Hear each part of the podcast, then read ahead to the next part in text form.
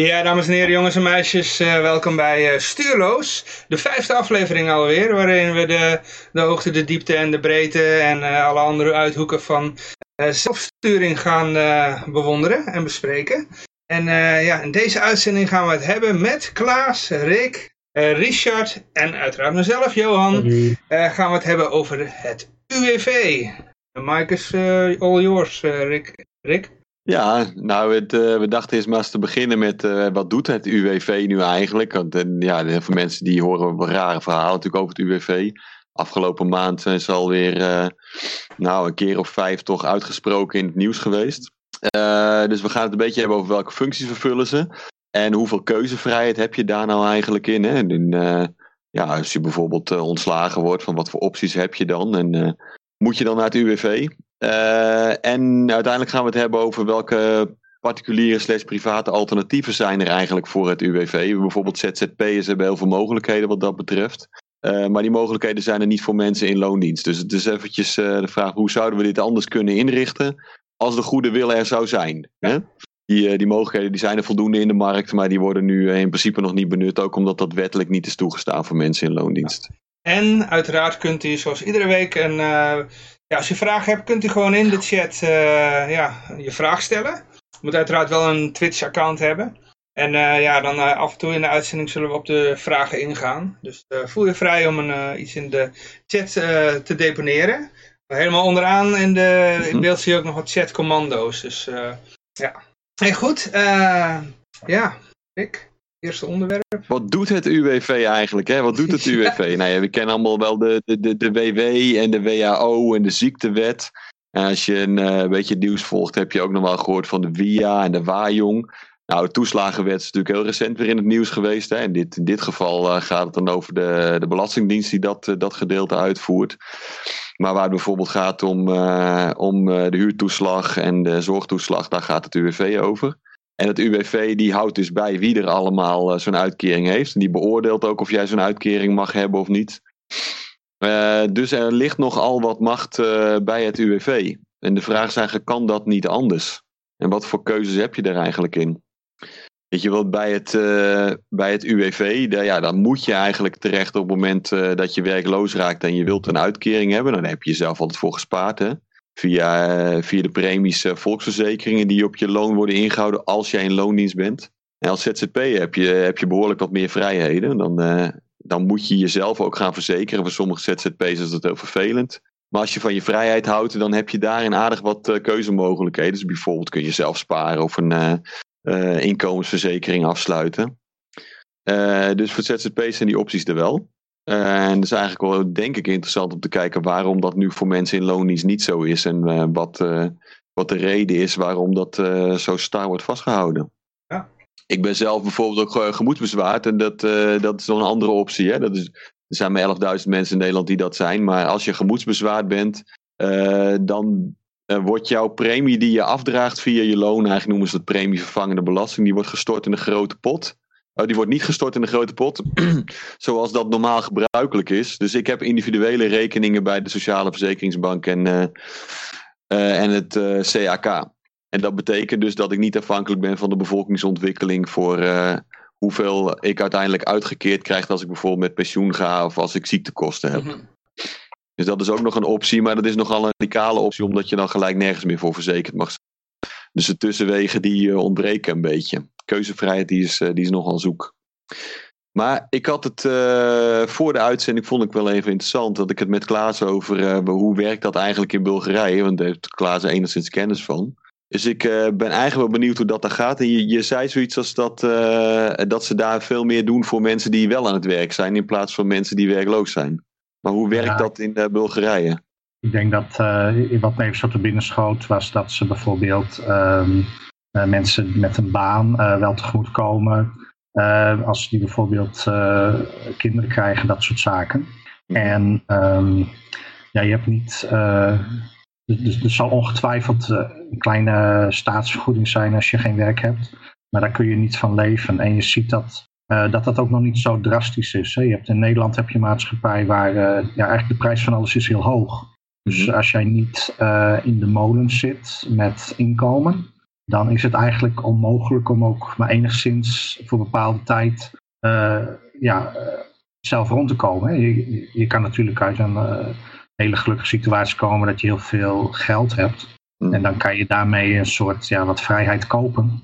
Maar uh, ja, dagelijks leven in Nederland is zo ja, duur dat je eigenlijk wel uh, vrij vlot, dat de meeste mensen zijn vrij, vrij vlot door hun reserves heen. Als jij uh, niet de, moeite hebt genomen om heel veel opzij te zetten, dan ben je in Nederland zonder baan al vrij snel afhankelijk van een ander. En ehm, dat is in Bulgarije totaal niet zo.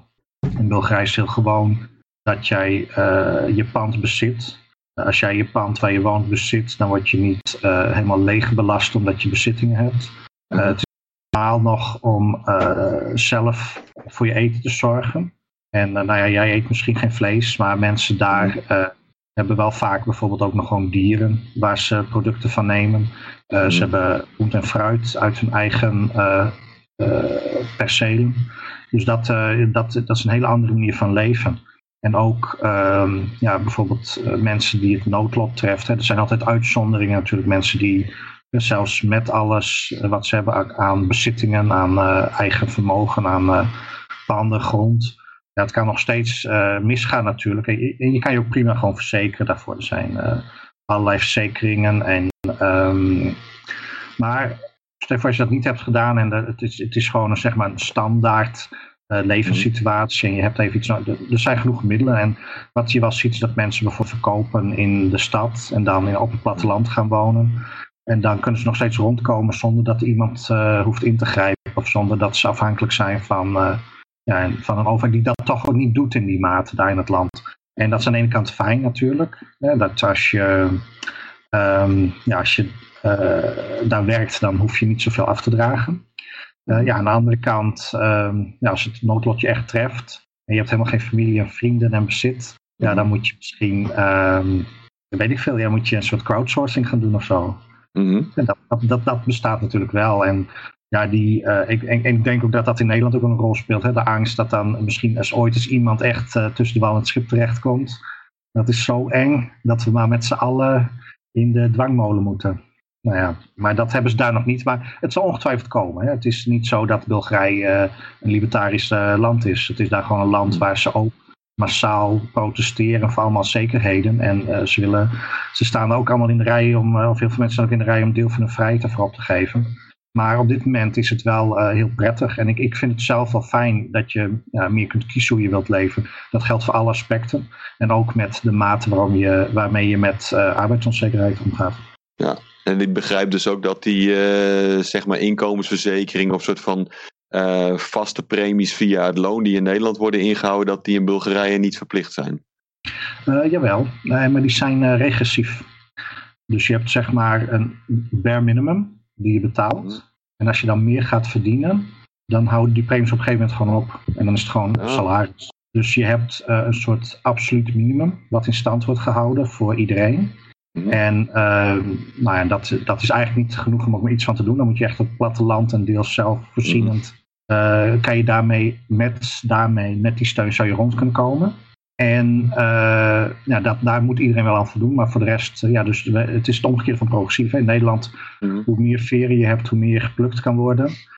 in Bulgarije is het wel zo, ja, als je bereid bent om te investeren in jezelf of om meer te gaan verdienen op een of andere manier. Of je bent in staat om dat te, voor elkaar te krijgen, dan hou je zelf de vruchten daarvan. In veel grotere mate dan in een nivellerend land zoals Nederland.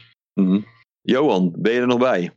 Ik ben er nog bij hoor, ik ben met de chat bezig. Ja, ik had even een vraag aan jou over uh, hoe dat bij jou eigenlijk verlopen is. Die hele, rond die hele corona ben jij natuurlijk uh, vanuit je uitzendwerk, uh, kon je je taken niet meer vervullen. Mocht ook niet meer. Mm -hmm. En ben je, hoe ben je toen in aanraking gekomen met dat, met dat UWV? Wat is er gebeurd? Oh, ja, ja, ik, eh, ja normaal gesproken, uh, ik, ik ben zo iemand, ik wil helemaal niks van de UWV hebben. Ik wil geld uh, van de staat, ook al bouw ik het zelf op hoor, maar ik wil gewoon niet van zo afhankelijk zijn. Dus meestal ben ik zo van, ja, mocht ik op een of andere reden mijn baan kwijtraken, is het helemaal niet zo moeilijk om weer werk te vinden. Dus werk zat eigenlijk. Ik ben ooit een keer op de hoogtepunt van bij de vorige crisis. op het moment dat op de radio verkondigd werd dat er nog nooit zoveel werkelozen in Nederland geweest waren.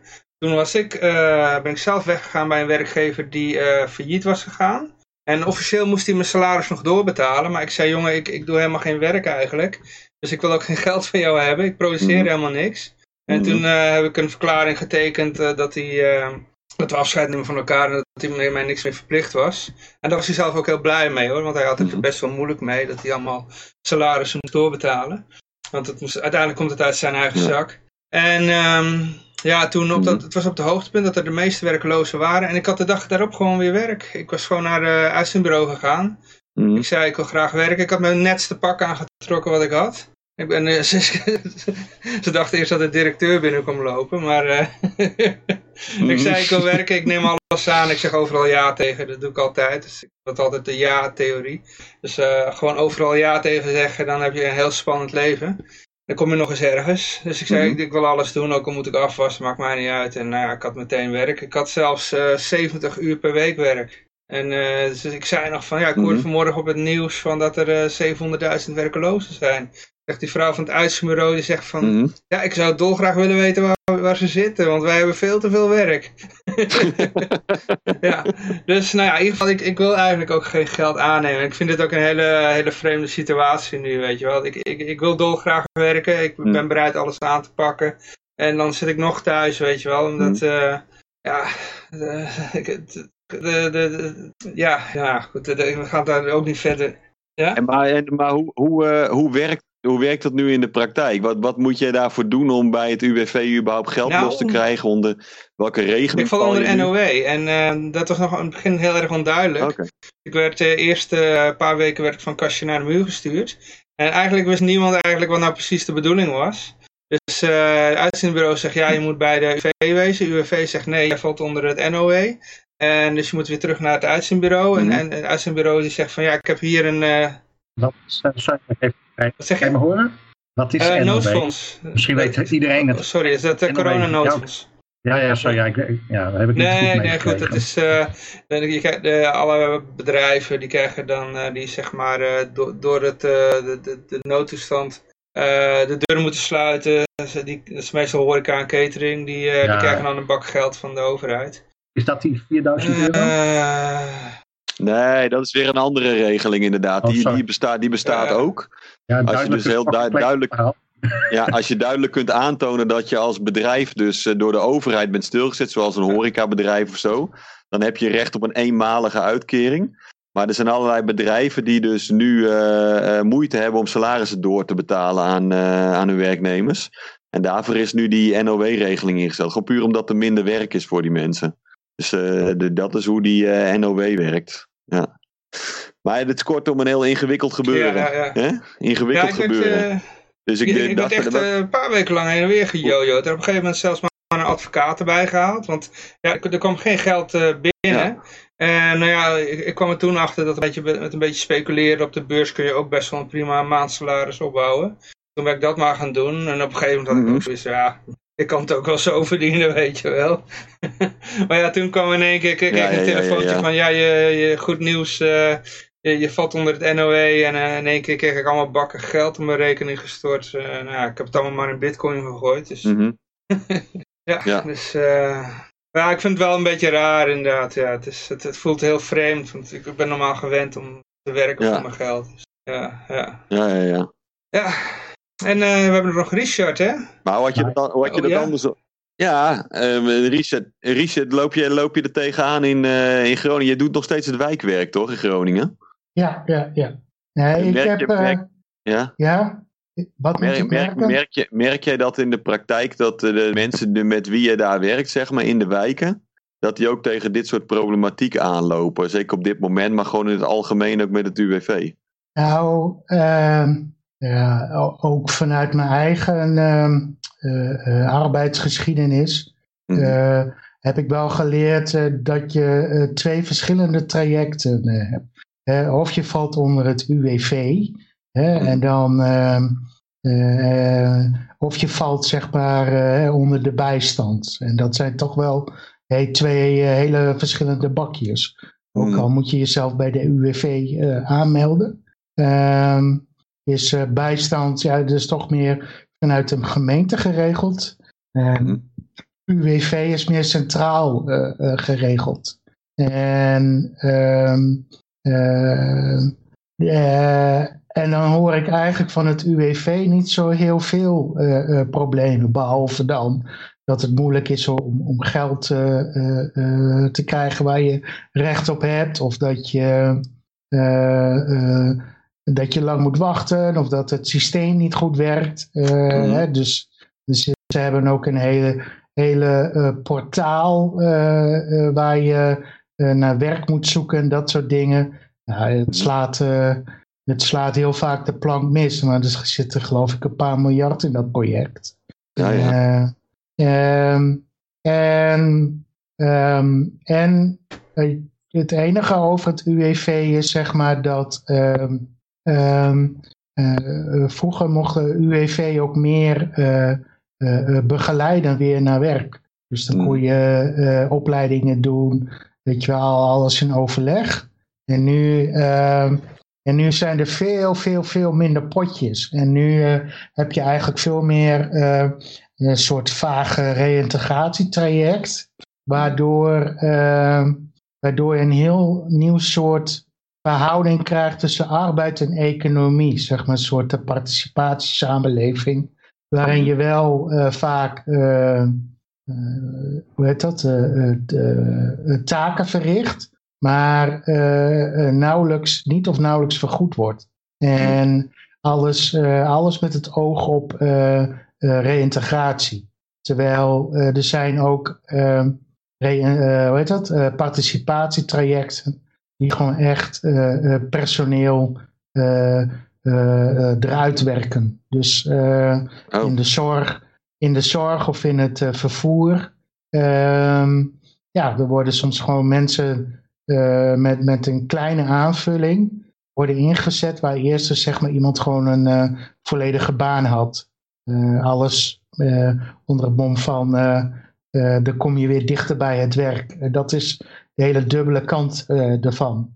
Dus eh, eh, de groenvoorziening gebeurt dat. eh dus ik zei, gehandicaptenvervoer of ouderenvervoer. Gewoon mensen die op een busje komen.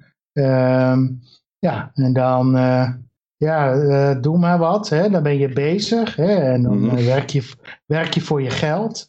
Alleen ehm, je zit dan wel eigenlijk eh, echt een plek van een, eh, ja, een, een, een, voormalige collega hè, die dan net is weggestuurd Barentouw. Sterker, sterker nog, eh, dus, eh, er waren ook gewoon verhalen, nou, ook al vijf jaar meer, iets meer dan vijf jaar geleden, ja, met name van de plantsoenendienst in Koevoorden of eh, ja, dat je, je kon zelfs ehm, eh, dezelfde baan aangeboden krijgen. Eerst zo'n Mhm. participatietraject. Dus dan werd je eruit geschopt eh, bij de plantsoenendienst Oh. van de gemeente eh Koevoorden. En dan mocht je zeg maar voor een veel lagere Ja. vergoeding, Ja. mocht je dan eh, eh, weer aan het werk bij, via zo'n Ja. traject.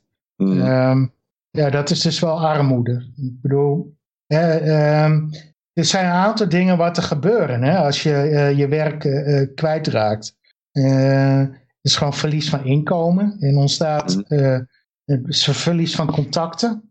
Ja, eh, je hebt eh, allemaal collega's opgebouwd. Je hebt misschien een, of je hebt een, eh, een klantenkring opgebouwd waar je in zat. En je, je verliest een stukje verlies van routine. En daar tegenover staan ineens allemaal zorgen. Van wat nu? En hoe moet ik mijn eten betalen? Hoe moet ik mijn hypotheek betalen? Et cetera. En ik denk ehm, eh, dat, dat de service van het UWV is op dit moment nog zo ondermaats. Dat de Mm. taak eh, die ze eh, zouden moeten uitvoeren, ja, dat, dat voeren ze heel minimaal uit. Dat, dat le- mensen ervaren het meer als een soort eh, zorg erbij. Hè, dat je dat goed geregeld hebt. Ja. Zeker, zeker ook naar de wet op fraude Mm. van een jaar of vijf geleden. Waarin als je eh, met alle goede intentie een fout maakt, kun je zeg maar beschuldigd worden van fraude. En met hoge boetes als gevolg. Ja, we hebben dat nu, nu, natuurlijk weer gezien bij die kinderopvangtoeslagaffaire. Ja. Net gisteren nog weer een debat over geweest. Dat ging er behoorlijk heftig aan toe ook.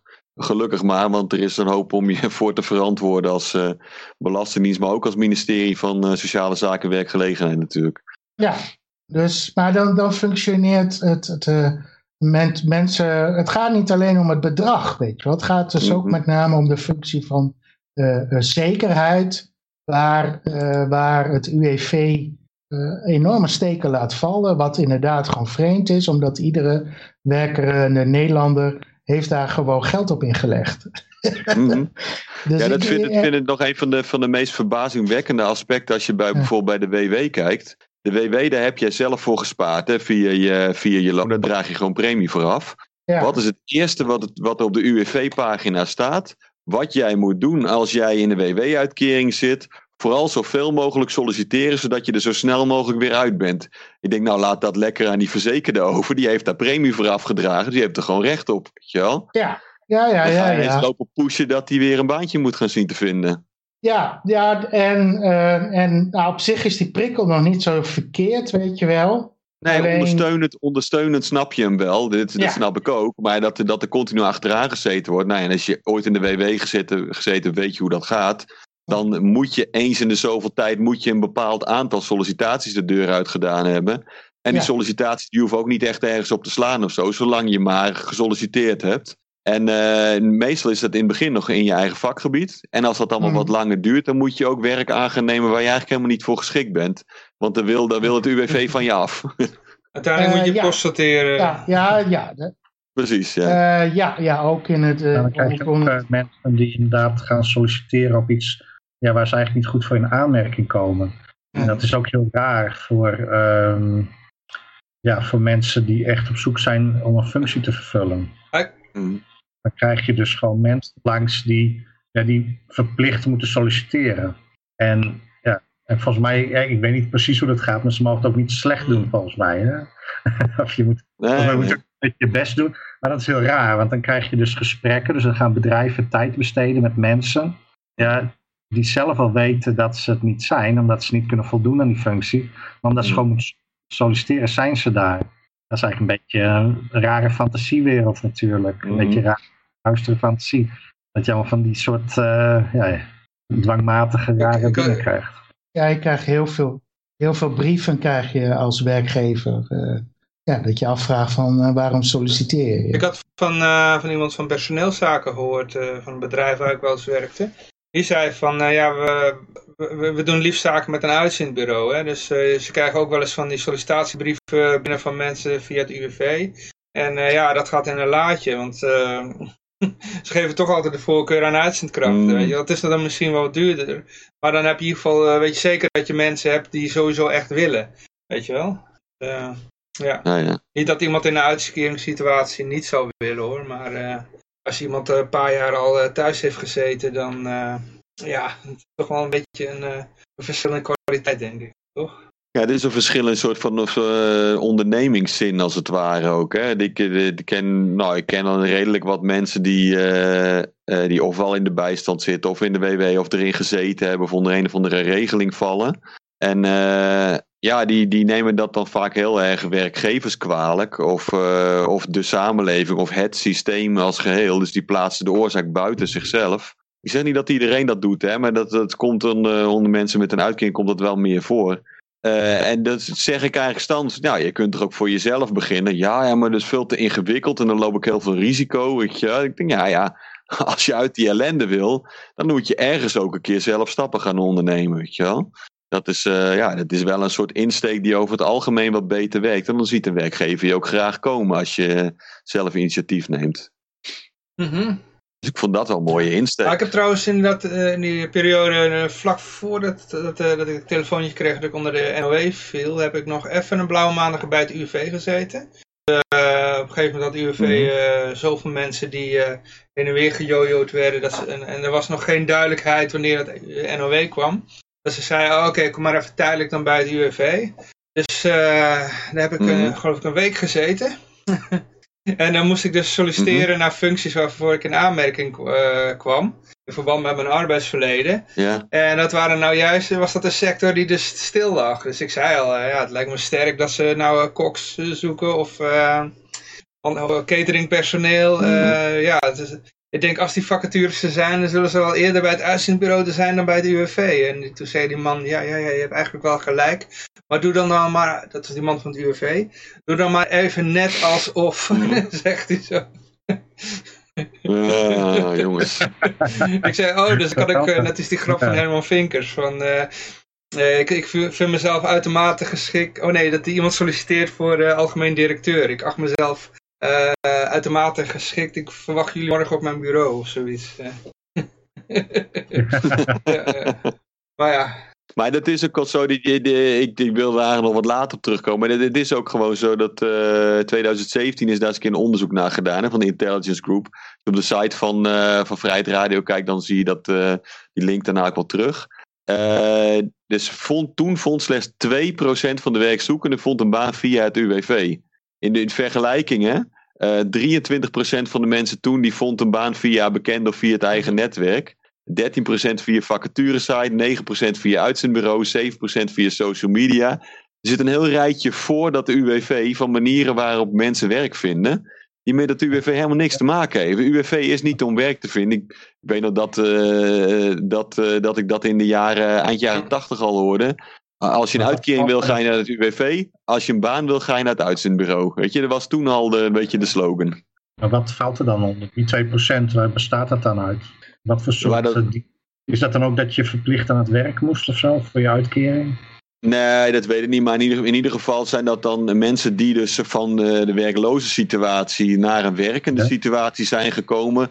Doordat het UWV erin heeft bemiddeld. Bijvoorbeeld via het UWV werkbedrijf. Weet je wel? Ah, zo ja, zo ja, ja, ja.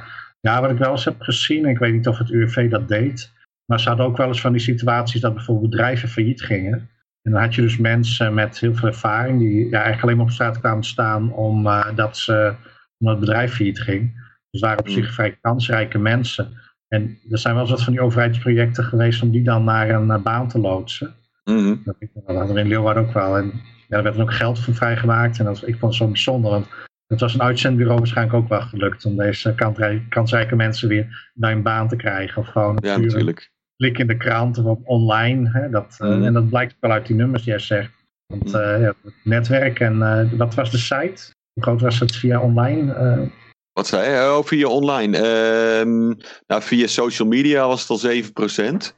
Ja. Uh, en 13% via vacaturesites. Nou ja, en, en tegenwoordig uitzendbureaus gaat ook online, dus dat is 9%. Dus uh, reken maar dat het uh, nou, zo rond de 30% mensen die dat sowieso al online vond toen al, in 2017. Ik denk dat eigenlijk dat het alleen nog maar meer is geworden. Ja, denk ik ook. En het lijkt me ook de beste plek. Hè? Als, als, ik, als, ik, als ik een baan wil vinden, en ik heb het, nou, een aantal momenten ben ik wel eens uh, nou ja, gedacht van oh, ik, ga, ik ga bij deze werkgever weg, omdat ik bijvoorbeeld verhuis of zo, of omdat ik dacht ik ben toe aan een nieuwe uitdaging, zoals ze dat zo mooi noemen. Uh, dan kijk ik niet op de site van UWV. Dan kijk ik op, uh, dan kijk ik op vacaturesites. Ja, die, die dat allemaal netjes bij elkaar brengen. Bijvoorbeeld op Indeed of zo. Die, die zet het allemaal netjes onder elkaar. Dan weet ik ook dat het up-to-date is. Uh, dan kan ik rechtstreeks contact opnemen met de werkgever. Zonder dat er een of andere rare UWV-coach tussen zit. Van wie ik niet weet wat de kwaliteiten zijn. En waarvan ik eigenlijk alleen maar rare verhalen heb gehoord. Dan denk ja, ja. ik, nou dat zijn dat toch niet veel mensen die nog via het UWV uh, aan een baan komen tegenwoordig. Nou ja, ik zou wel al mijn verplichte sollicitaties dan via de UWV-site doen. Gewoon al ja, natuurlijk. Met hun suggesties werken. Ja. Een je feedback te geven van hoe, hoe goed dat ja. dan gaat. Nu is het ook wel zo dat ik in mijn leven nog nooit een uitkering heb gehad hoor. Behalve dan voor mijn studie ooit is, maar dat was toen nog. Dat is tegenwoordig ook al niet meer. Maar uh, ik, ik heb nooit een bijstandsuitkering gehad, nooit WW, een of andere arbeidsongeschiktheidsgebeuren of zo. En ik denk ook echt, dat kan allemaal uh, zonder enig probleem gewoon bij een normale verzekeraar. Weet je, alle ZZP'ers die doen dat ook gewoon. Wat is nu de noodzaak om dat bij het UWV onder te brengen? Ja, dat is een vraag voor ons. Ik, uh, ja, ja, natuurlijk, ja. maar, maar Richard, misschien weet jij dat wel. Wat, wat zou nu vanuit, vanuit overheidswegen een reden kunnen zijn om zoiets bij een UWV onder te willen brengen? Of waarom voelen mensen zich daar überhaupt thuis? Want er zijn toch mensen die daar dan een uitkering aanvragen, bijvoorbeeld. Ja. Of die, die zeg maar een groot deel van hun leven in de, in de bijstand doorbrengen, wat dan onder, eh, onder de gemeente valt in dit geval. Maar een beetje een vergelijkbare situatie. Hè? Ja, het is, het is eh, zoals het eh, structuur nu is. Hè? En mensen nemen dat gewoon aan. Dus ze stellen verder niet de vraag bij van, hè, kan het beter? Of eh, nee, je hebt gewoon geld nodig. En dan eh, vraag je het gewoon aan. Volgens mij is het zelfs zo dat als je te lang wacht eh, met de aanvraag, dat je dan zelfs eh, beboet eh, kan worden. dus, ik- als ik mij eh, goed herinner. Je moet eh, binnen zoveel eh, dagen aanvragen. Anders eh, eh, Ja, je moet op tijd melden dat je baan kwijt bent, volgens mij. Oh, dus ik had eigenlijk een Ja. boete kunnen krijgen Ja. al, al die keren dat ik zonder werk... eh, Nou, volgens mij moet je ook wel niet aanvragen. Dat, dat- het lijkt me sterk dat je een boete krijgt als je helemaal niet aanvraagt. Maar als je Ehm. gaat aanvragen, dan moet je wel op tijd zijn. oh, dat. Nou, het nou ja, zo, zo heb ik het onthouden in ieder geval. En dat heeft ook mee te maken met, eh, je, moet, eh, ja, je moet in Nederland natuurlijk wel in het juiste potje eh, vallen. En Dus eh, ik, weet, ik weet, werken, hè? En die Sorry? staan niet allemaal, er zijn genoeg mensen die niet werken, om wat voor reden dan ook. En die staan niet allemaal bij het UWV ingeschreven. En eh, Nee. er zijn ook mensen die op een gegeven moment stoppen met werken, om wat voor reden dan ook. En ook geen baan zoeken. Dus ik weet vrij zeker dat het alleen geldt als je een uitkering wilt. Als je die, ja, als je die, eh, ja, als je die glijbaan op wil, dan moet je wel meteen in de rij gaan staan. En eh, maar je mag natuurlijk prima er geen gebruik van maken. Ik denk dat het, de reden waarom er veel gebruik van wordt gemaakt, is dat ook, ook al heb je een ander netwerk waarop je zou kunnen vertrouwen of verzekeringsproducten, dan nog steeds denk ik dat er heel veel mensen zijn die eh, ja, in combinatie met de alledaagse kosten van het leven gewoon niet veel opzij kunnen zetten. Of niet een heel goed verzekeringsproduct kunnen kopen. En ook dat zeg maar, de mensen in hun directe omgeving ook niet genoeg overhouden om een goed vangnet te zijn. En dat eh, hangt in mijn ogen toch weer samen met uh, dat in Nederland is gewoon te duur. Alles is te duur gemaakt. En bijvoorbeeld ook woningen. Woningen zijn, dat merk ik nu weer, die zijn buitensporig duur in verhouding tot hun kwaliteit. En uh, ja, er is ook stip voor dat jij, uh, jij, jij bent bereid om gewoon in een huis van 50.000 te gaan wonen, wat je zelf bouwt. En dan mag je niet gewoon voor uh, landbouwgrond, dan moet je eerst een, grond, een stuk grond kopen. En die grond die gaat je al 100.000 kosten. En als je in de ja. buurt van iets nuttigs wil wonen, dan kost die al 250.000 die grond. Nou, en dan, dan, dan, ben je, is dat hele idee dat je bereid bent om in een huis van 60.000, 5.000 te, willen wonen, is alweer uh, compleet uh, vernietigd. En ja, dan staan dat dat mag, hè? want dan, dan krijg je weer allerlei andere hoepels waardoor je uh, moet springen. Dus zelfs als er een partij is in een ander land dat zegt, nou wij zetten gewoon een functionele woning neer voor 50.000 euro. Dat is nog maar de vraag of je dat ooit voor elkaar krijgt. Dus ik, ik, ik, denk dat dat, uh, en dat zorgt ervoor dat je, ja, heel veel mensen die zitten gewoon naar hun dak boven hun hoofd en naar hun eten en drinken, dat soort zaken, energielasten, verplichte verzekeringen, daar hebben ze nauwelijks wat over. En omdat ze ook niet echt beschikking hebben over al dat, dat, dat geld dat de werkgever namens hun afdraagt, ja, dan, uh, dan krijg je echt een situatie dat het moeilijk wordt om ja, heel veel goede verzekeringen. Hè? Want ik snap best dat één verzekering is nog wat te overzien. Maar in principe zou je meerdere dingen misschien wel beter privé kunnen regelen. Maar de praktijk is dat zeg maar, het kostenplaatje waar uh, heel veel normale werkende mensen mee geconfronteerd worden. En de kosten van het levensonderhoud, dat is zo'n drastische situatie. Dat je misschien maar op één gebied, als het al uh, überhaupt mogelijk is, kunt kiezen om iets meer privé te regelen. Ja, misschien ben jij in een iets luxere situatie omdat je woonlasten meevallen of omdat je misschien een bovengemiddelde baan hebt. Maar ik denk dat heel veel mensen toch wel uh, ja, in de problemen zitten als ze één of twee maanden geen inkomen hebben. En dat ze eigenlijk ook niet een, een, een vangnet hè, hebben in hun omgeving of een, de mogelijkheid om echt uh, ja, goed verzekeringsproduct af te nemen. Ik denk... Ja, dit, uh, oh. Ja, ga je uh, Geef maar eerst, Rick. Oh. Ja, nou, ja. Uh, hoe heet het? Uh, nee, ik zit nog echt te denken zo van... Uh, Klaas heeft het er meer over... Um, ja, wat, wat, wat ervaar je? Hè? Wat, wat voor spanning ervaar je, geloof ik? Um, en ik denk, hè, wat je vroeg zo van, hoe komt het nou? Mhm. En eh, ja, dan zit ik zo, ja, ik, eh, als ik, ik heb net even de Wikipedia-pagina van het UWV uitgezocht van hoe is het nou zo gekomen, weet je wel. Mhm. Nou, Ik benader het meer zo van, ik zie het volgens mij meer zo van, het is ooit een keer ontstaan, Mhm. hè, met het idee van we gaan een sociale vangnet eh, vormen. En het is er een bepaalde kant op gegroeid. En volgens mij hebben mensen dat, ja, accepteren ze dat maar gewoon. Ook al is de kwaliteit van eh, de uitvoering eh, is ja, wat minder, zeg maar. Ja, want Mhm. dat is zeg maar, als je gewoon kijkt zo van, moeten alternatieven? Nou, dan, dan is zeg maar de vraag van, hè, eh, eh, wordt het dan ook beter? Ja, dus dan moet je ook met iets beters komen.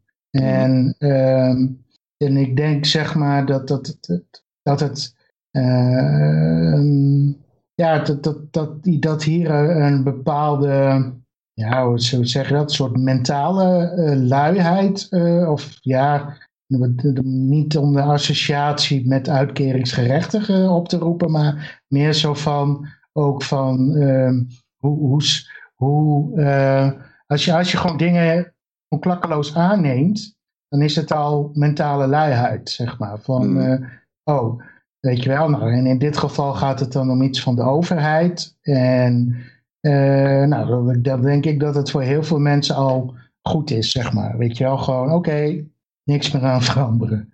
En, en verder ook, en, de- en verder duiken ze ook niet in op die materie. Hè, van, eh, wat is het, kan het, ze kijken gewoon alleen maar naar hun eh, eh, eh, inkomsten en hun uitgaven. Nou, UWV eh, eh, geeft wat geld. En als ze geen geld hebben, nou, als ze een tijdje geen geld geven, nou, dan leef je in eh, frustratie. En dan krijg je op een gegeven moment weer geld en dan is alles weer ineens goed. Dat is ongeveer eh, het eh, niveau Mhm. van een gemiddeld persoon, eh, denk ik. Oh, gelukkig, ik heb weer WW gekregen en ik mag Oh, nu weer drie maanden uitbreiden. Ja, ja. Ja, Kom weer even naar de koffieshop. ja. Ehm, eh, terwijl ehm, eh, het UWV is denk ik wel een, een belangrijk eh, onderdeel in ons systeem. Omdat, oh ja, duidelijk. Daar gaan miljarden naartoe. Ja.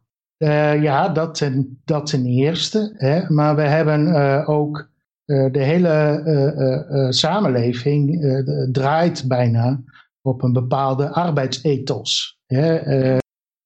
Je moet zelf je geld creëren door of spullen van A naar B te brengen, of jezelf van A naar B te brengen, of Mhm. anderen. en, ehm, eh, en, en dat is een bepaald eh, ritueel, zeg maar. En eh, waarop, de hele, waarop het hele systeem eh, eh, draait. Alleen, ehm, dat, is, dat is allemaal nog prima te doen als je het balletje hoog kan houden. Hè, of je hebt een werkplek eh, te pakken eh, die eh, econ- economisch eh, eh, stabiel is, weet je wel, die niet eh, eh, failliet gaat. Eh, hè, en die ook niet zomaar mensen eh, wegsaneert.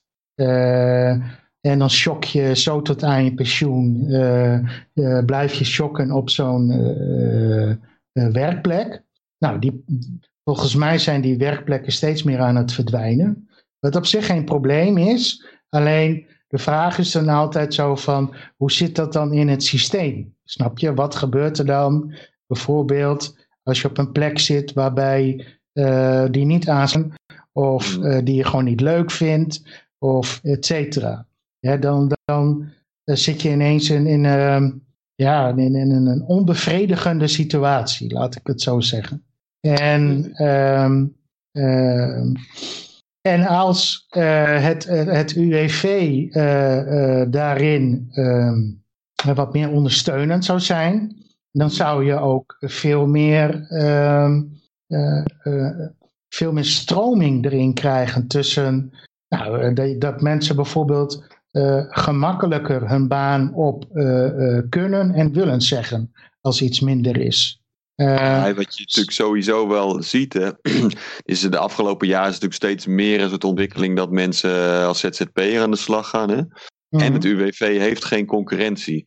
Dus dat zet het UWV ook niet aan tot, uh, tot inderdaad goede ondersteuning, goede service leveren. En ja, het is een soort verplichting bij wet dat je bij het UWV terechtkomt als jij in loondienst bent. Je bent verplicht om daarvoor te sparen. Uh, Dus moet je daar dan ook weer je geld halen op het moment dat je even geen werk hebt. En dat creëert een hele rare situatie waarin je dus gedwongen bent om gebruik te maken van een hele inefficiënte monopolist die, die, dan, eh, die dan de zaakjes voor jou gaat regelen. Die er eigenlijk uiteindelijk ook helemaal niet zoveel belang bij heeft om veel mensen aan het werk te helpen. Want dan is die coach zijn baan kwijt. Weet je? Die, die moet vooral zoveel mogelijk mensen zo vaak mogelijk langs laten komen. Want dan blijft die betaald worden. Dat is de standaard uh, regelsoort van mensen die ergens een baan hebben die proberen die baan te behouden door te zorgen dat er werk voor hen blijft. Dat is ook uh, vaak een reden waarom mensen niet zo hard werken als, uh, als ze toch wel een loon binnenkrijgen iedere maand. Uh, ik heb een heel belangrijk punt te pakken, denk ik. Je hebt, ja, ik, ben, ik ben een grote aan, voorstander van dat je nee moet kunnen zeggen tegen een product. Want als je, ik, ik denk dat ja, het begin van kwaliteit of waarvoor je geld begint bij nee kunnen zeggen. Zodat jij niet nee mag zeggen, tegen een transactie, dan is die transactie waarschijnlijk waardeloos. En uh, ja, dat is een heel groot probleem bij heel veel overheidsdiensten natuurlijk. het is een beetje het principe van de overheid. Maar ik denk dat dat inderdaad, wat jij zegt, van er is geen concurrentie. Ik denk dat dat een hele belangrijk aspect is van, de, uh, van het UWV. Dat dat, uh, ja, wat ertoe bijdraagt, het, het, heeft geen goede invloed. En ik denk inderdaad, ja, dat, ik heb daar geen onderzoek voor of zo, maar ik ik, ik, denk dat de stelling van als je geen nee kunt zeggen, wordt het product, is dat niet goed voor de kwaliteit van het product. Ik denk dat dat wel uh, intuïtief wel uh, goed aanvoelt. En het zou me niet verbazen als inderdaad het UWV heel inefficiënt zou blijken. Als je het op een of andere manier zou laten concurreren met een andere instelling. Of uh, als je op een of andere manier een, echt een objectief onderzoek zou kunnen laten plaatsvinden naar de prestaties. Want als je naar het UWV kijkt, hè, want UWV doet vaak niks. Hè. Je, hebt, je hebt nu al één getal genoemd, die 2% van die baan. Dat geloof ik. En ik denk dat daar, ik ben bang dat daaronder valt gewoon ook uh, vacatures die bij het UWV zijn neergelegd. Mm -hmm. dus uh, dat zijn dingen die ook hadden kunnen plaatsvinden als het UWV niet was geweest. Dan waren die vacatures ja, gewoon op een andere plek neergelegd en waren daar ook mensen mee in aanraking gekomen. Mm. En ik ben bang dat dat een onderdeel van is. Dus dat het niet eens, uh, die 2% is niet eens alleen maar bemiddeling. Dus dat is niet iemand bij het UWV die werk heeft verricht om een baan te genereren. Want dat bestaat eigenlijk niet. Hè. Het, is, het, kan natuurlijk niet zo zijn. Het is ja, heel, heel, technisch gezien is het juist andersom. Doordat het UV, UWV bestaat, gaan de banen verloren. Want er wordt een kostenpost in het geleverd, bla bla bla, om een totale belasting. Ja, ja. Maar even in, in, theorie, het idee dat, ja, dat iemand bij het UWV een baan genereert, dat is natuurlijk bizar. En dat mm. kan op zich. Hè, misschien hebben ze beschikking over potjes die ze kunnen aanwenden, waardoor ze ja, eigenlijk een soort substitutie van arbeidsmarktwerking kunnen genereren. En daar in die zin zouden ze een baan kunnen genereren. Hè? En, en, ze zouden het zeker ook zo noemen, dat zij dan een baan genereren. Maar um, eigenlijk doen ze heel weinig, zou je kunnen zeggen. Maar ze hebben wel enorm veel hele dure kantoren. Er zijn heel veel mensen. En als ik daar naartoe rijd, uh, ik, ik rijd er wel eens langs, ze hebben in Leeuwarden ook een prominente plek. En er staan allemaal mooie auto's. ik, ik neem aan dat die auto's niet alleen maar zijn van hele rijke mensen die daar langs moeten komen. Mm -hmm. Dus het zullen vast, vast ook een paar werknemers zijn die daar, die daar parkeren. Dus ja. er zit een enorme kapitaalstroom uh, richting dat UWV. En eigenlijk doen ze niks. Ze leveren een dienst die waarschijnlijk beter zou kunnen worden geleverd door een website. En uh, ja, en die website zou waarschijnlijk niet eens, de, zeg maar de dienstbaarheid, daarvoor zou de website niet eens uh, belastinggeld nodig hebben. Mm. de dienst die ze leveren, die wordt al, hè, die, daar zouden ze aan kunnen verdienen, gewoon puur op de markt, hè, door de partijen die op de markt bestaan. En uh, ja, dan dat aspect van die verzekering, ja, dat, is, dat wordt misschien een beetje moeilijker. Maar als je kijkt naar hoeveel geld er nu al wordt verspild aan al die mensen die bij het UWV werken, al die panden die ze hebben, ik denk dat er heel makkelijk met die organisatie te concurreren is. Mm. Dus hè, dat is een aanname, maar ik denk dat die aanname Ja. heel aannemelijk is met eh, wat, hoe ik het nu omschrijf. Als je het hebt over, als je het hebt over eh, eh, een stukje macro-economie, eh, denk ik wel dat het, eh, de, de inkomensbescherming, dat dat gedeelte eh, heel goed is voor de economie. Als mensen ehm, eh, zekerder zijn over hun inkomen, maar kun je verder de, debatteren over uit welk potje moet het komen, ehm, eh, dan is dat alleen maar beter voor de economie. Als mensen eh, eh, onzeker zijn over wat ga ik volgend jaar of volgende maand verdienen, ja, gaan ze gewoon minder spullen kopen. Ehm, wat ik wel heb meegekregen, en dat stip je ook al aan, hè, van die superdure gebouwen. Er is een hele rare dynamiek aan de gang bij het UWV. Ze hebben een overheidstaak. Ze zouden de klanten moeten helpen. Hè?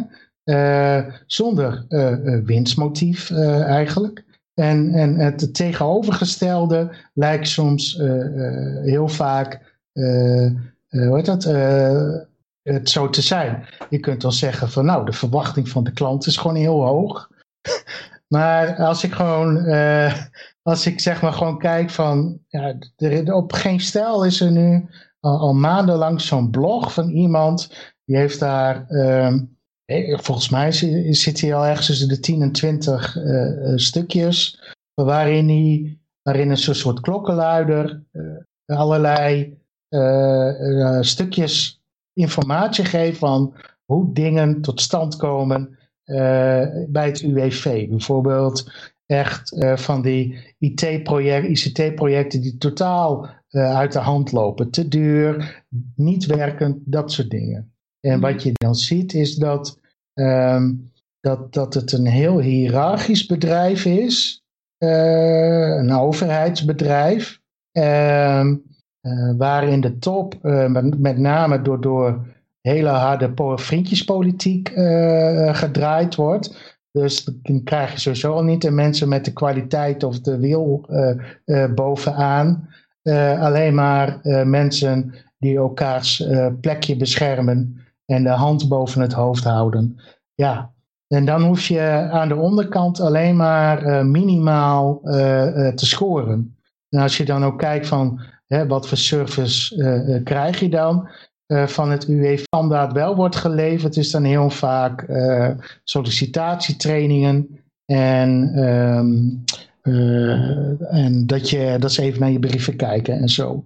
Op zich vrij goed, alleen um, het, het, het, het, het, um, het, het, nadeel hiervan is, is het is dan vaak klassikaal, mm. dat je dat je heel weinig individuele uh, begeleiding hebt. Dus wat je aan informatie meekrijgt, is vaak zo algemeen dat, nou ja, of iedereen wist het al. Mhm. van, hè, of het is vaak ook heel tegenstrijdig. er worden twee dingen tegelijk gezegd. En uh, nou, er zijn beide dingen tegelijk gezegd. En als je dan toch faalt, nou, dan is het je eigen schuld. Bijvoorbeeld over, bijvoorbeeld over uh, hoe vaak moet je solliciteren. Aan de ene kant hè, kun je gewoon kiezen van ik stop mijn energie in een brief uh, en een gesprek die buiten, boven alles uitspringt. Hè? Of ik ga massaal solliciteren. En voor beide valt wat te zeggen. Alleen uh, als het dan gaat over uh, hoe, hoe vind je die klik met een werkgever, want uh, solliciteren is, is ook een soort, ja, het is alsof je een nieuwe relatie begint, weet je wel. Je, je moet ook een beetje opvallen soms. Mm -hmm. je, je en, die, echt... en die werkgever moet het idee hebben dat jij binnen het team gaat passen. Dat, dat er gewoon een leuk gesprek met jou aan de hand is. Weet je wel? Ja, hè, ehm, dus ehm, ja, dus uh, ja, en daarin zou uh, individuele uh, even een moment zo van oké, okay, hoe sta jij in het schrijven van brieven en zo, mm.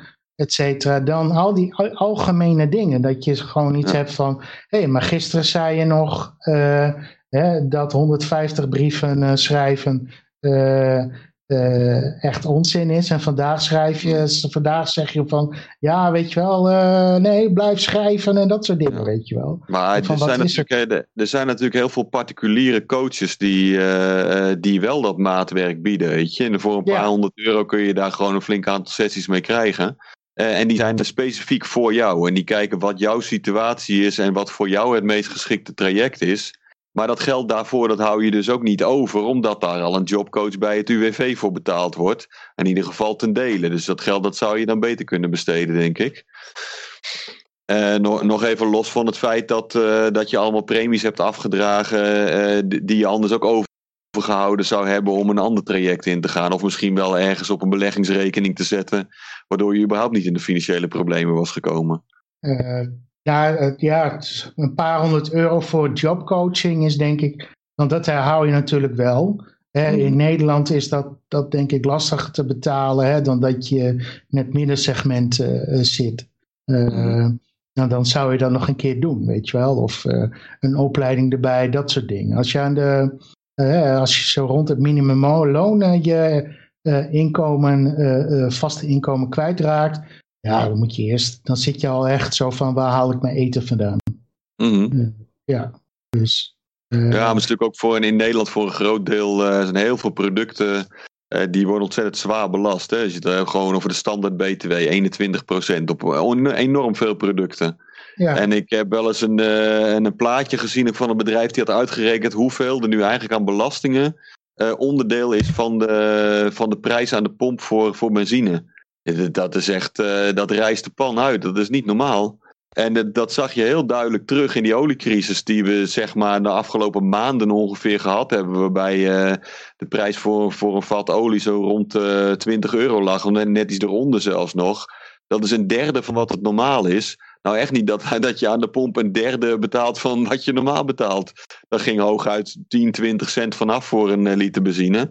Ik denk dat we misschien ergens net uh, midden in de 1,50 terechtgekomen zijn. Maar dan had je het wel gehad dat geeft een beetje aan hoe groot percentage van, uh, van die brandstof eigenlijk al opgaat aan accijnsen. Nou, wat je net zegt, er zijn grofweg twee grote sectoren in Nederland. Ofwel je vervoert jezelf, dan ben je dus diensten aan het leveren ergens bij een bedrijf. Of je zit in de productiesector, dan rij je met een vrachtwagen ergens naartoe. Uh, of, je, of je bezorgt pakketjes bijvoorbeeld. Nou, voor al die dingen ben je dus, uh, nou, laten we zeggen, in ieder geval twee derde tot drie kwart van, uh, van de liter benzine, die ben je kwijt aan belasting aan de overheid. Dat maakt, dat maakt het ook wel ongelooflijk moeilijk om dan iets over te houden om jezelf nog te redden als je volgens tussen aanhalingstekens minimumloon werkt. Dat is wel waar. Het is aan de andere kant wel vaak zo dat er dan weer um, ja, die reiskosten, dat zal misschien niet voor elke baan gelden. Maar vaak zijn daar dan nog wel weer uh, compensatiemogelijkheden uh, vanuit werkgevers uh, die losstaan van je inkomensonderhandelingen. Mm -hmm. Maar uh, ja, het is wel heel drastisch. En, ik, en dat is één heel belangrijk aspect, hè, dat vervoer, die vervoerskosten. Want zelfs als jij uh, naast je werk woont en je hoeft niet te rijden, dan nog steeds ben je afhankelijk van heel veel vervoerde dingen in je dagelijks leven. Dus, het blijft een, uh, het blijft een, een grote post van kosten waarmee je geconfronteerd wordt. En ja, ik denk dat dat totaalplaatje van alle over te dure dingen in Nederland, die maakt het dat je heel helemaal niet, dat je eigenlijk niet de mogelijkheid hebt om naar een alternatief te gaan. Mm. Want als je zeg maar zou willen concurreren met dingen die worden aangeboden door de overheid, of dat nou uh, ziektekosten is, of onderwijs, of arbeidsongeschiktheidsverzekering, of arbeids- of inkomensverzekering, dat soort zaken. Ja, Mm. dat, daar krijg je meer ruimte voor als je niet al je hebben en houden kwijt bent aan gewoon de volgende maand bereiken. En dat Ah, ja. is zeg maar, het, het leven is zo ingericht dat je hoe dan ook aan de staat verbonden zit. Hè? Natuurlijk als je als twee verdieners met een goede baan kiest voor een goedkope woning, noem maar even iets, ja, dan kun je enigszins wat genereren. Maar dan moet je ook weer voorzichtig mee zijn, hè? want dan ben je een kip wat te plukken valt. Dus dan zijn er weer andere constructies waar, uh, waardoor je uh, aan bod kan komen. Maar ja, ik denk dat voor heel veel mensen is het gewoon, je leeft van maand tot maand. Je zit hoe dan ook, wat je ook doet in je leven, zit je altijd een beetje vast aan die structuur. En die structuur is nep. Die structuur is deels nep, omdat er niet uh, geconcurreerd mag worden op hele essentiële onderdelen, waardoor je ja, te duur, duur, slecht en traag uitkomt bij de overheid met Mhm. je dienst. En de andere kant is nep door regulering. Dus dan heb je wel de keuze, maar dan is het ook duur, slecht en traag. En dan kun je bijvoorbeeld, en dat in de huizenmarkt kun je dat zien. Je kan van spreken met uh, heel veel geld kun je wel iets realiseren als woning. Hè, of het nou huur is of als uh, of, of uh, koop. Maar dan zit die, de, de, de, slecht en traag zit er dan in dat je voor dat geld eigenlijk iets veel beters had kunnen krijgen. Ja, dat is de, de kwaliteit die er altijd onder leidt. En de traagheid zit hem erin dat je eerst dat vermogen, dat geld moet je eerst vergaren. En, en daardoor heb dus die duur, slecht en traag zit in alles in ons dagelijks leven. En daar kunnen we heel moeilijk aan ontsnappen. En, ehm, en dat is heel vervelend. Want je zou, uh, daardoor krijg je ook een, een, situatie van een extra onvrijheid. Hè? De eerste tree van onvrijheid is dat je ja, door regulering en lasten ben je eigenlijk gebonden in je beschikking over je, over je tijd en je geld. Mm. Een tweede onvrijheid is dat je eigenlijk ook niet meer uh, keuzes daaromheen kunt maken. Van, nou, ik, ik, ik wil bijvoorbeeld niet werken ten behoeve van iets anders, hè, los uit het economisch proces. Dat is een soort vrijheid, daar kom je soms niet eens aan toe. Omdat je gewoon ja, wel gedwongen bent om in dat, die andere onvrijheid op volle toeren mee te draaien. En dat is, uh, dat is, wel, uh, dat is heel zielig eigenlijk. En het, het stomste is dat je leeft in de meest welvarende tijd van de menselijke geschiedenis, in de meest productieve regio van de wereld bijna. Mm. Maar toch moeten heel veel mensen van maand tot maand leven. En toch is het duur, slecht en traag als er iets voor ons wordt gedaan. En dat is eigenlijk heel zielig. En uh, ja, ik snap ook wel de uh, behoefte, want je kan daar niks aan doen. Wij kunnen niks aan doen. En er gaan misschien een paar mensen luisteren naar deze uitzending. Die ja, mensen gaan er allemaal niks aan veranderen. En uh, ik snap ook heel goed de gelatenheid. Dat je dan zegt van nou goed, uh, ik, neem, ik ben tevreden met wat ik heb. Want tevreden zijn met wat je hebt, daar heb je controle over. En mm. ja, alles duur, slecht en traag is omdat de overheid uh, qua regulering of belastingen roet in het eten gooit. Ja, daar heb je geen invloed op. En um, ja, dus in die zin snap ik het wel. En zo leven de meeste mensen ook. Dat het gewoon ja, niet echt, misschien zijn ze niet echt tevreden met wat ze hebben, maar ze berusten in de mogelijkheden die er zijn. En ja, gedwee accepteren ze dan de vreugde die je daaruit kunt putten.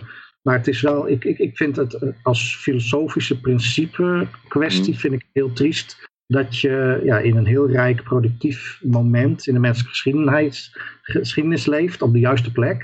En er zijn heel veel plekken op aarde waar het echt wel minder is. En dat je dan toch nog, hè, het is misschien wel uh, first world problems, dat je dan toch nog zo gebonden zit. En zo vast zit in een kader ja, wat eigenlijk helemaal niet zou hoeven. Het zou helemaal niet hoeven. Ik denk dat, dat je zou in principe gewoon met, ja, als je 20 uur werkt, ik noem even wat per week, zou je prima moeten kunnen leven. Ja, als je gewoon kijkt naar hoe productief is Nederland, hoe welvarend zijn we. Ik denk dat dat mogelijk is, maar ja, dat op een of andere manier verkwanselen we dat. En dat is een deel van de vrijheid die we verkwanselen voor een soort zekerheid. En dat is misschien een beetje de filosofische benadering. Maar ik denk, ja, ik denk dat de realistische situatie voor de dag tot dag mensen die erin leven, is dat je, je kan er niks aan veranderen. En de meeste mensen kijken in de ogen van, ja, wat kan ik wel bereiken?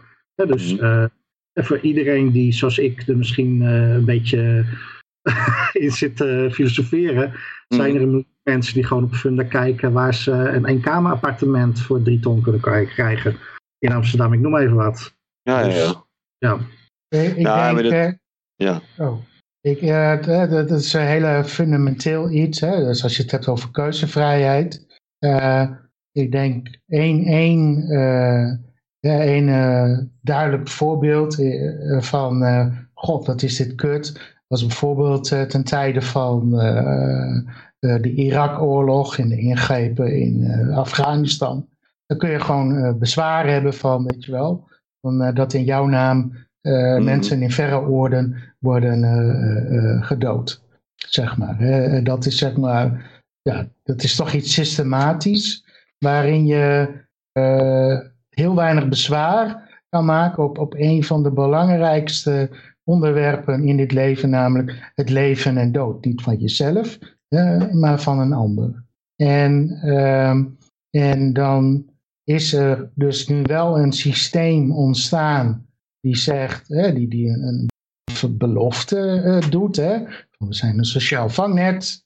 Hè, en uh, nou, daar voelen mensen zich ook aan gebonden. Door één, uh, die belofte. En twee, nou, het is altijd zo geweest. Hè.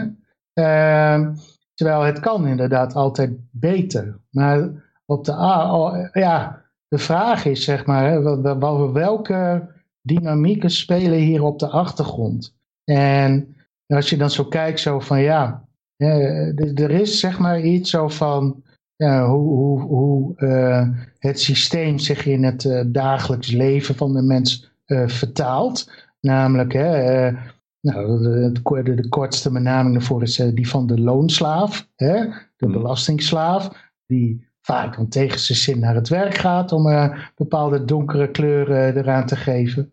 Ehm, en hoe, hoe, kom je daar nou in? En vooral ook, hoe kom je daar nou uit? Mm. En ehm, dan denk ik aan de voorkant inderdaad zo van, zit je al bij de vraag van, wil ik daar überhaupt wel aan deelnemen? En dan is de keuzevrijheid erin nou, zeer beperkt. Hè? Je, nou, je hebt dan die gewetens- uh, of gemoedsbezwaardheid. Ja. ja. ja. nou, dat, dat is dan gelukkig al een alternatief. Hè? Maar dan, ja, dan, dan schijn je dus nog heel veel niet te faciliteren. Maar dan zie je daar tegenover van wat heeft de overheid dan wel. Heel veel is ook gefaciliteerd en blijkt ook zo te zijn ter pacificatie van de bevolking. Mm, Bijvoorbeeld, dat is eigenlijk, uh, ja, maar het is, dus mooi dat je dat zegt, want dat is eigenlijk, uh, nou, de UWV is daar een voortvloeisel van, maar dat is ooit waarom een verzorgingsstaat begonnen is. En zelfs, zelfs de SP, als je, die, als je mensen van de SP vraagt, dan, dan geven ze dat ook aan.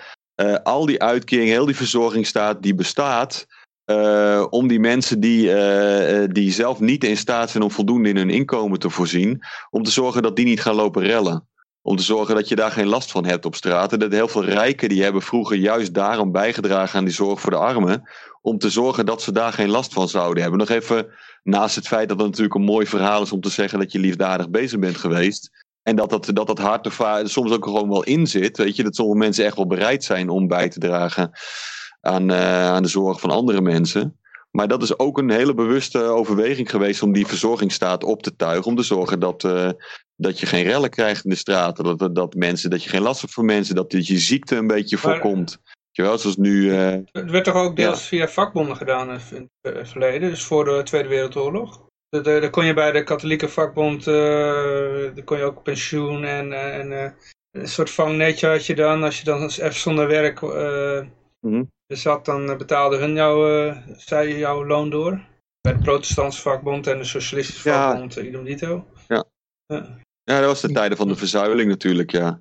En het, uh, de, de, nog, nog daarvoor heb je natuurlijk gewoon ook al dat soort liefdadigheid via de kerken gehad. Hè? En op een gegeven moment kreeg je een maatschappij van weldadigheid uh, rond, rond vredingssoort, et cetera. En dat is toen overgenomen door de Nederlandse overheid. Die zoiets had, ja, maar dat kan toch niet dat, uh, dat dit privaat geregeld is. Weet je, daar moeten we wat aan doen.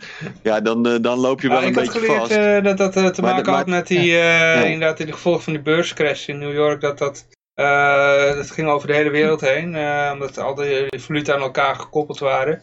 Dus kreeg je in Nederland ook in één keer uh, kreeg ze een, een, last van een depressie.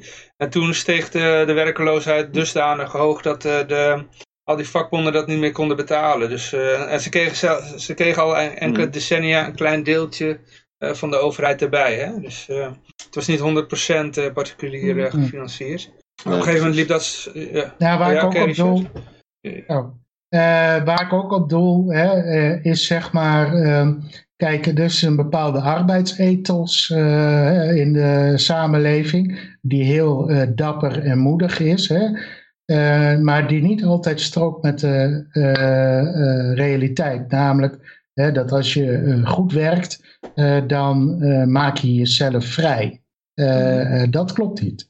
Je kunt, voelt, uh, wacht even, nu, nu krijg ik dus die tekst van, uh, van oh, Auschwitz in mijn hoofd. Heb ik de Godwin erin gooien? Uh, heb, je, heb, je de Godwin, heb je de Godwin erbij, ja, Johan? nee, nee. Ja, deze Leuk van Auschwitz. arbeid macht vrij. Ja, dat is, ja. Maar dat ja, is nou niet, dat is nou niet helemaal... Rare gedachte achter, hè? Ja, dat is nou niet helemaal zoals het werkt. Je kunt, ehm, je kunt met arbeid een aantal dingen bereiken. Um, uh, maar als je gewoon kijkt uh, uh, welke dingen leiden tot veel meer vrijheid, ja, dat, dat, dan zou je toch eerder kunnen bedenken van ik ga, ik, ik ga gewoon kiezen voor meer vrije tijd, laat ik het zo mm. zeggen. En, ja, nou, het, het levert ook wel wat op hè, als je dat doet. Ja. Want dan, dan val je op een gegeven moment, ja, dan dit is natuurlijk een soort van belastingvrije uh, voet. En uh, ja, dan betalen we dat gedeelte, betaal je gewoon niks. Ja. Uh, dus de, dan heb je dat geld in ieder geval maar uitgespaard, weet je. En in Nederland is het op dit moment nog zo dat je een recht hebt op allerlei toeslagen en zo ook. En op pasjes van de gemeente en zo. Dus het nodigt ook niet uit om, om dan maar hard je best te gaan doen. Tenzij je dik over een bepaalde drempel heen komt. Maar Ja. ze hebben natuurlijk in het, ik denk of vijf of tien geleden voor Rotterdam wel eens uitgerekend hoe je nou beter uit was als, als persoon in de bijstand of als eh twee verdienersgezin eh, met, een aardig inkomen. Dan bleek dat die persoon in de bijstand per maand gewoon netto meer overhield. Omdat er zo ontzettend veel regelingen voor zijn. Dus die krijgt dan een of andere stadspas, die krijgt de zorgtoeslag, die krijgt huurtoeslag. Nou, sowieso die bijstand had hij natuurlijk al. Die krijgt korting op allerlei, op allerlei zaken.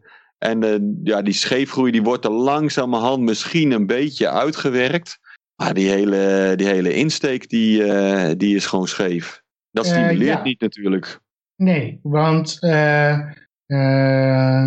kijk, je moet een bepaalde reden hebben om te werken. Hè? Nou, en de prikkel die nu er is, dat is vaak gebaseerd op angst. En ehm, eh, eh, ja, vaak angst. Er zullen ook wel meer dingen zijn, maar angst is toch wel de grootste. En ja, dat, dat, be- dat bedwelmt heel veel eh, eh, creativiteit en eigenlijk ook heel veel vrijheid, zeg maar. De angst is een enorme eh vernauwer.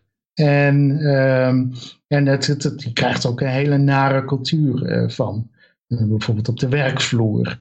Mhm. Toch heel veel, heel vaak kun je een dubbele cultuur tegenkomen van ehm, dat A wordt gezegd en B wordt bedoeld. En eh, dan moet je zelf maar uitvogelen van eh, eh, wat er aan de hand is. Maar in elke stok waarmee geslagen kan worden, dat die zal ook worden aangepakt. Terwijl ehm, je zou er ook open en eerlijk over kunnen spreken en over kunnen onderhandelen en eh et cetera.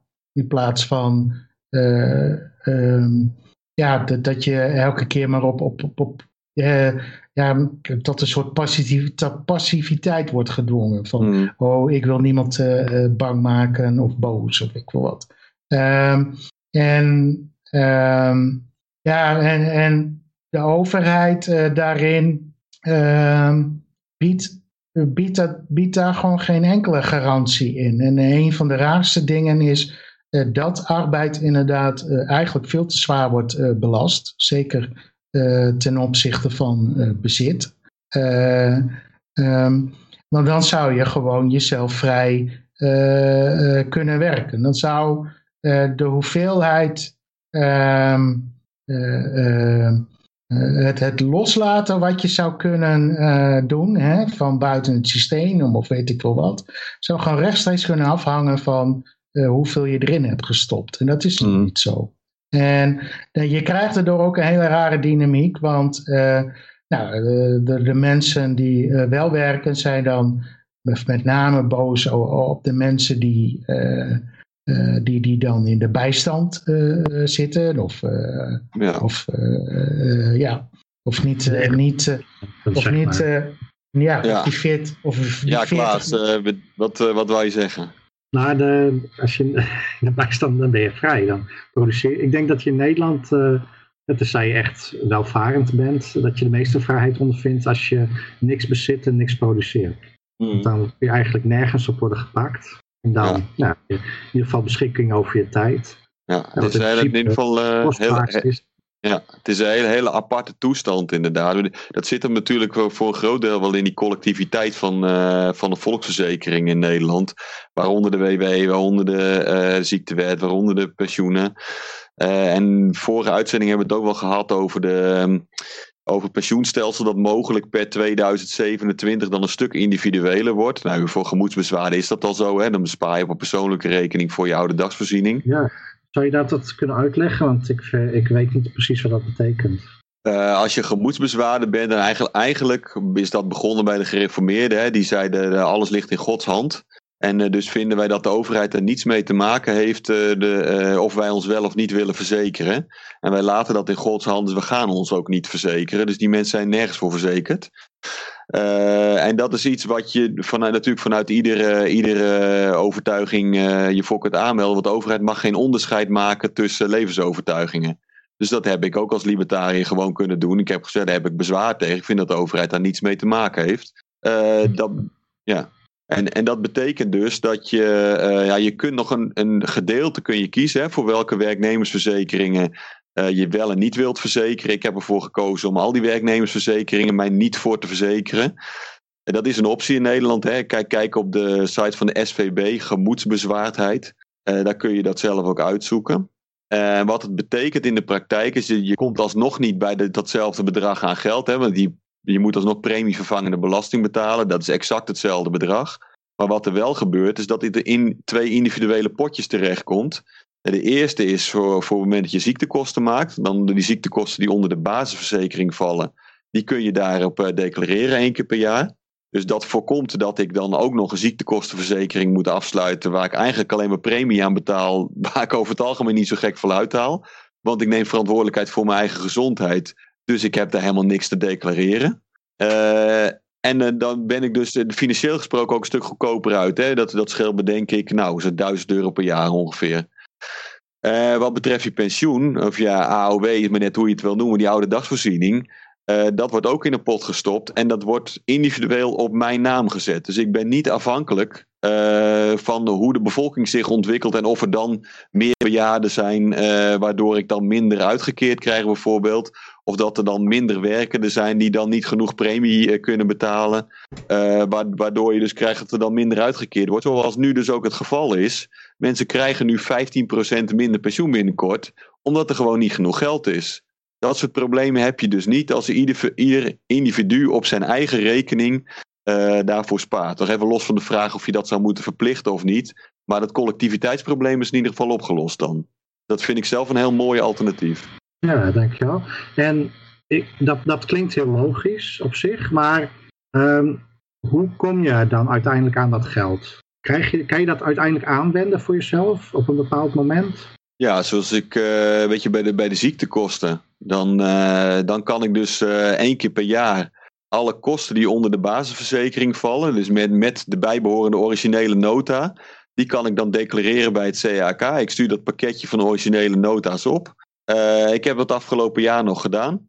En ik had bijvoorbeeld een, een, operatie aan mijn been omdat ik me ergens aan gesneden had, diep in het vlees. Dan moest allemaal gehecht worden, een stuk gips eromheen, et cetera. Uh, nog een paar andere dingen die onder de basisverzekering vielen. Uh, heeft me uiteindelijk, de kosten die ik daaraan gemaakt had, van rond, uh, rond de 800 euro, die heb ik gewoon uiteindelijk ook weer teruggehad. dus dan heb ik niet alleen maar die 1000 euro per jaar bespaard. Ik heb ook gewoon die kosten die ik gemaakt heb, gewoon uitgekeerd gekregen. Nou, dat is wel fascinerend. En als je dan, zeg maar, want je kan daar dan aanspraak op maken. heb je dan, stel voor, voor echt buitensporige andere gevallen, kan je daar dan nog wel een verzekering voor afsluiten? Heb je dat niet gedaan of wel? Nee, nee dat, is, dat is het hele funeste aan die, aan die regeling, eh, aan die gemoedsbezwaardheidregeling. Het is een soort alles of niets. Weet je, je, je hebt, er zijn nog, ik geloof dat er drie uh, regelingen zijn, drie werknemersverzekeringen. Dit, waar je dan voor kunt zeggen of je ze wel of niet neemt. Ik geloof dat, uh, uh, dat de WHO eronder valt en de AOW en nog eentje. Maar dit heb ik dus allemaal niet gedaan. Maar, maar, verder heb je daar geen keuze in. Als je gemoedsbezwaard bent, dan mag je je ook verder niet verzekeren. Althans, niet jouw persoon en niet jouw eigendommen. Dus voor een libertariër is dat eigenlijk heel vervelend. Maar ik vind dat alsnog een fijnere keuze dan dat ik ieder jaar gedwongen word om 1000 euro aan premie af te dragen aan een ziektekostenverzekering waar ik geen gebruik van maak. Ja, dus ze hebben dan toch een uh, wet weten te maken op zo'n manier dat het gereformeerde ja. mensen tevreden stelt. Maar dat het inderdaad uh, pijn of logisch gebruik wat ja. aantrekkelijker maakt. En dat, uh, dat pensioen, uh, wanneer mag je dat dan aanwenden? Ik geloof dus, dit hebben we nog niet exact uitgezocht, zo oud ben ik nou ook weer niet, maar, maar ik geloof dat het rond mijn pensioengerechtigde leeftijd, dat ik dan kan zeggen van nou ik wil er nu gebruik van gaan maken. En ik zou dat waarschijnlijk ook wel eerder kunnen doen, maar dan is gewoon het bedrag dat per maand uitgekeerd wordt is lager. Dus dat is dan wel het voordeel dat je op zo'n moment hebt.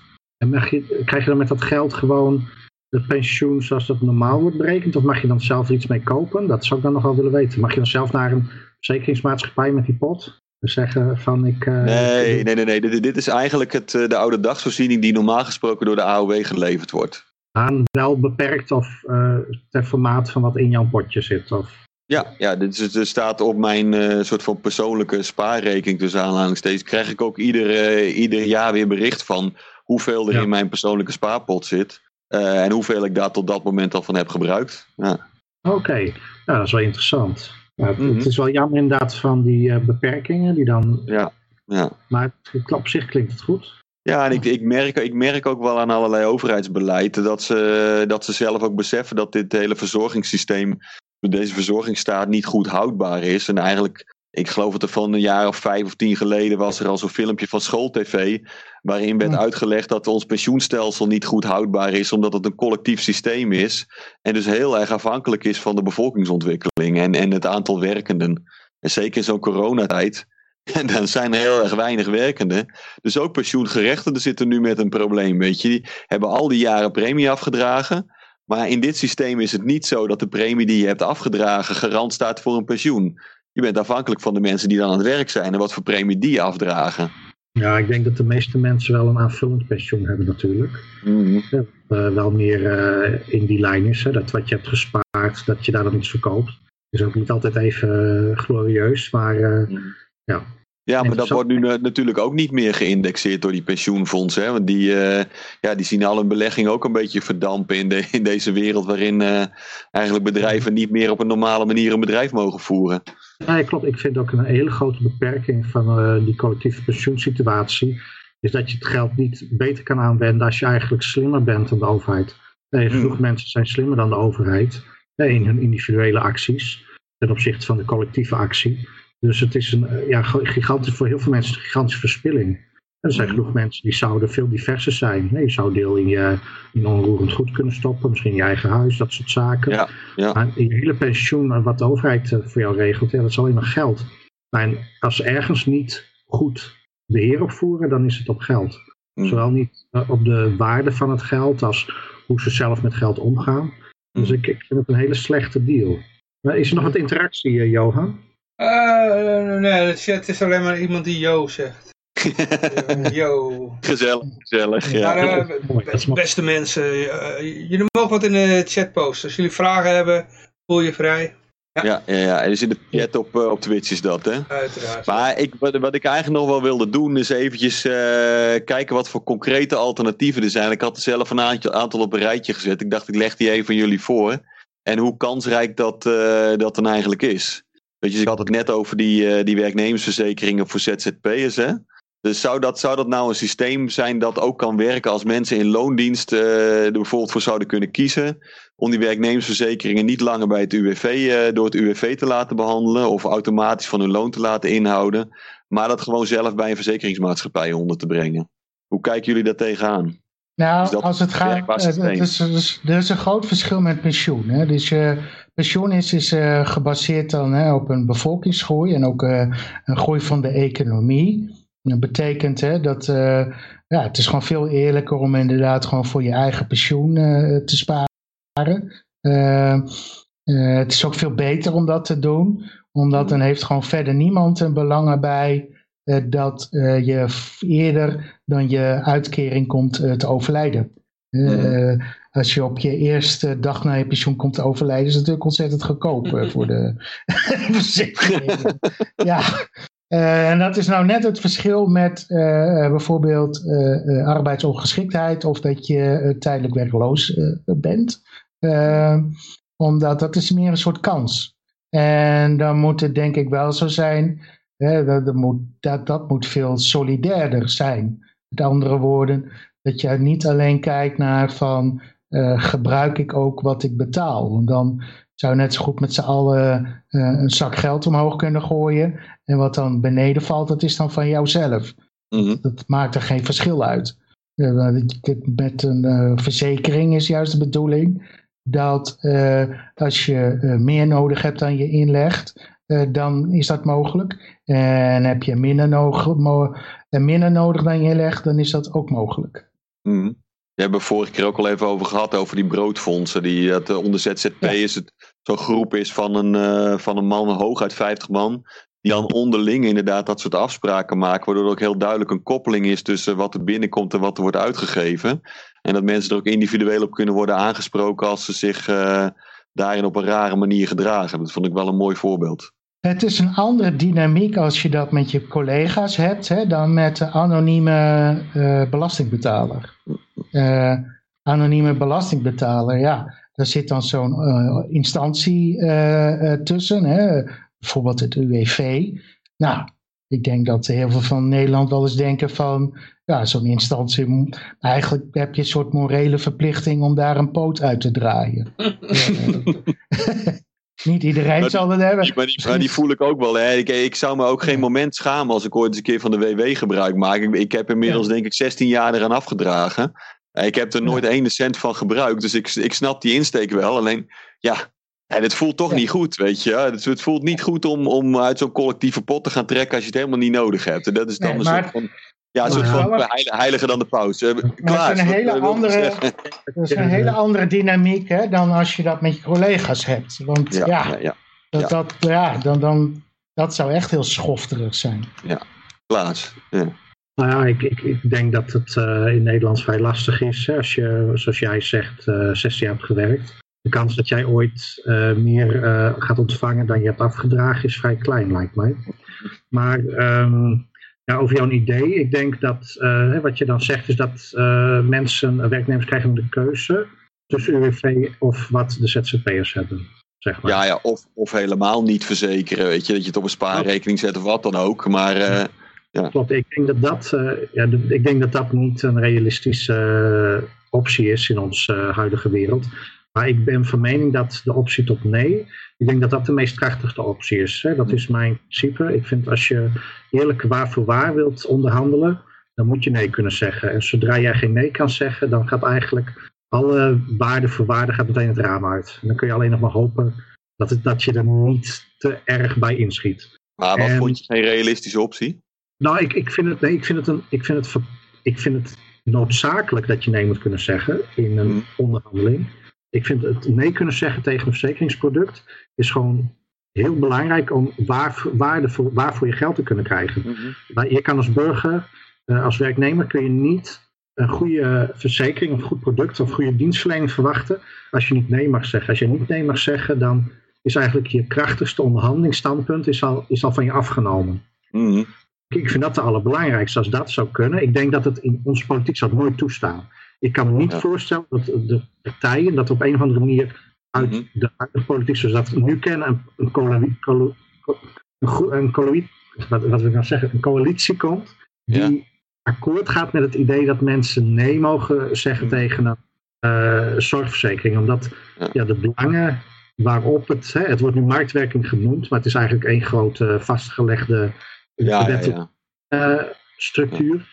De belangen die daarin spelen, die zijn zo groot dat er niemand, er is geen sterke partij in het land die voor een algehele, dat je gewoon nee mag kunnen zeggen. Dat die dat hmm. kan presenteren en er doorheen kunnen krijgen. Dus in die zin denk ik niet dat het een realistische optie is. Maar in mijn ogen is het de belangrijkste optie. Ik denk als jij marktwerking begint bij de mogelijkheid om nee te kunnen zeggen. Als jij niet nee kan zeggen, is eigenlijk geen marktwerking. Daarnaast denk ik dat de optie dat je zou kunnen kiezen tussen of het UWV of de ZZP. Het is veel minder goed dan de mogelijkheid om nee te kunnen zeggen. Maar het zou wel een interessant beeld kunnen geven. Want als er dan mensen die ermee bezig zijn, die er misschien over nadenken, die misschien te maken hebben met de, ja, de kwaliteit die ze van die dienst krijgen. Als je daarmee een soort verschuiving zou kunnen laten zien, of juist niet, dat zou wel, het zou wel informatie genereren die er nu niet is.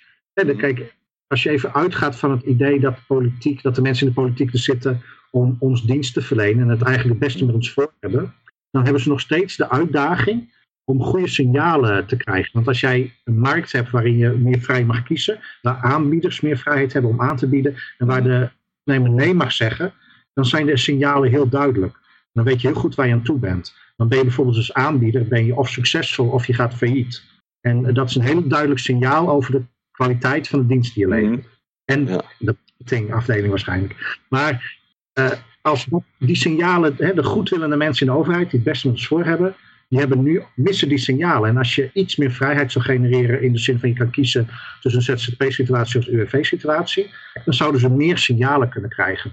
En zouden ze ja, meer informatie hebben dan ze nu hebben om uh, hun uh, ja, goed bedoelde beleid op te baseren.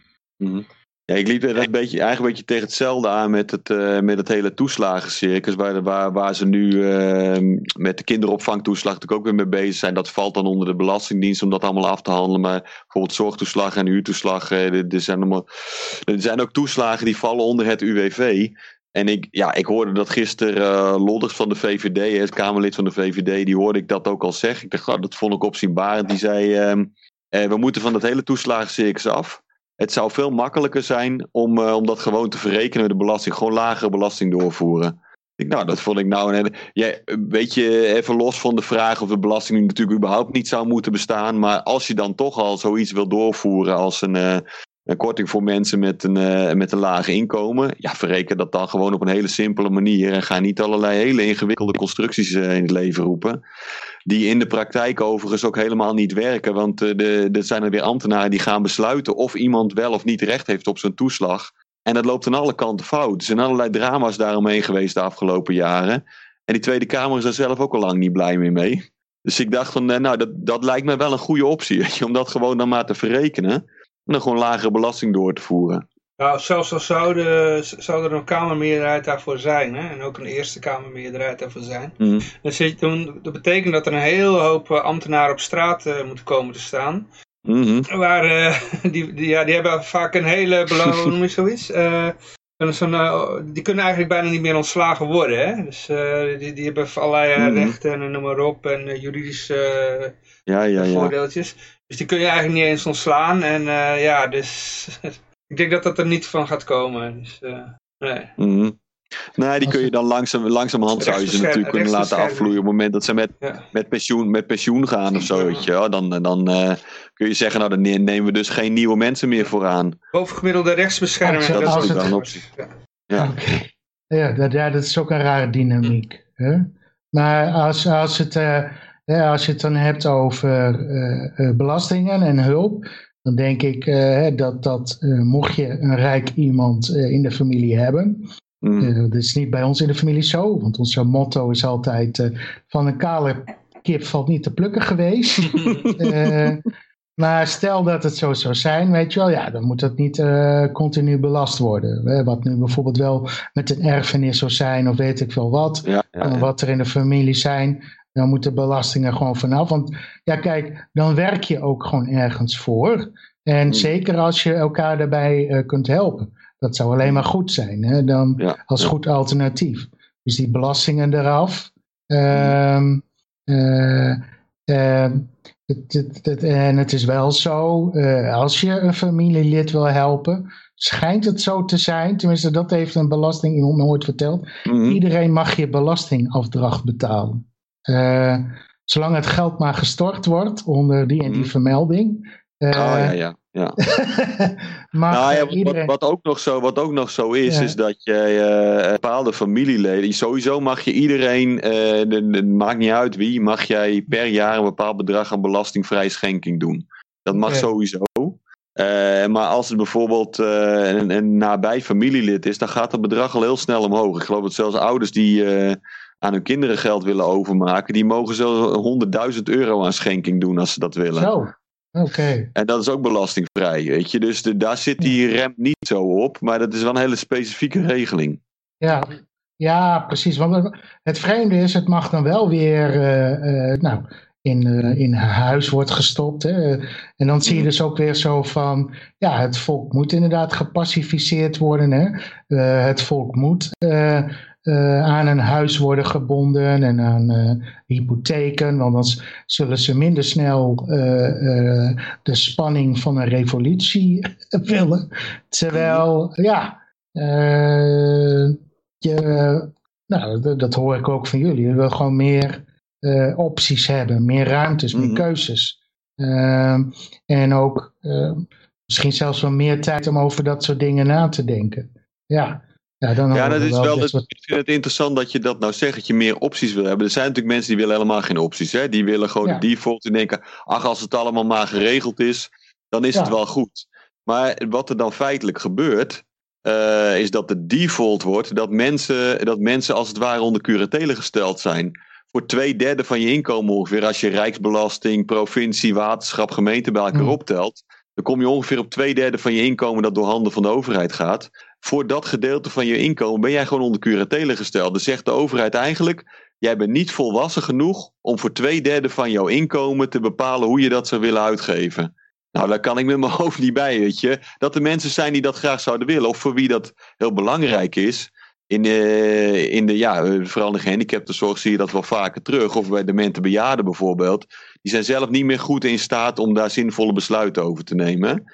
En dan kun je je voorstellen dat je iemand aanstelt om dat soort zaken voor ze te regelen. Maar om dat als de uitgangssituatie te nemen, dat is gewoon een hele rare insteek. Ik, ik weet niet of, of daar bij de overheid überhaupt iemand wel eens zo over nadenkt. Dat ze denken, waar zijn we eigenlijk mee bezig, joh? Nee, de, de, nee, nee. Uh, belangrijk is, ja.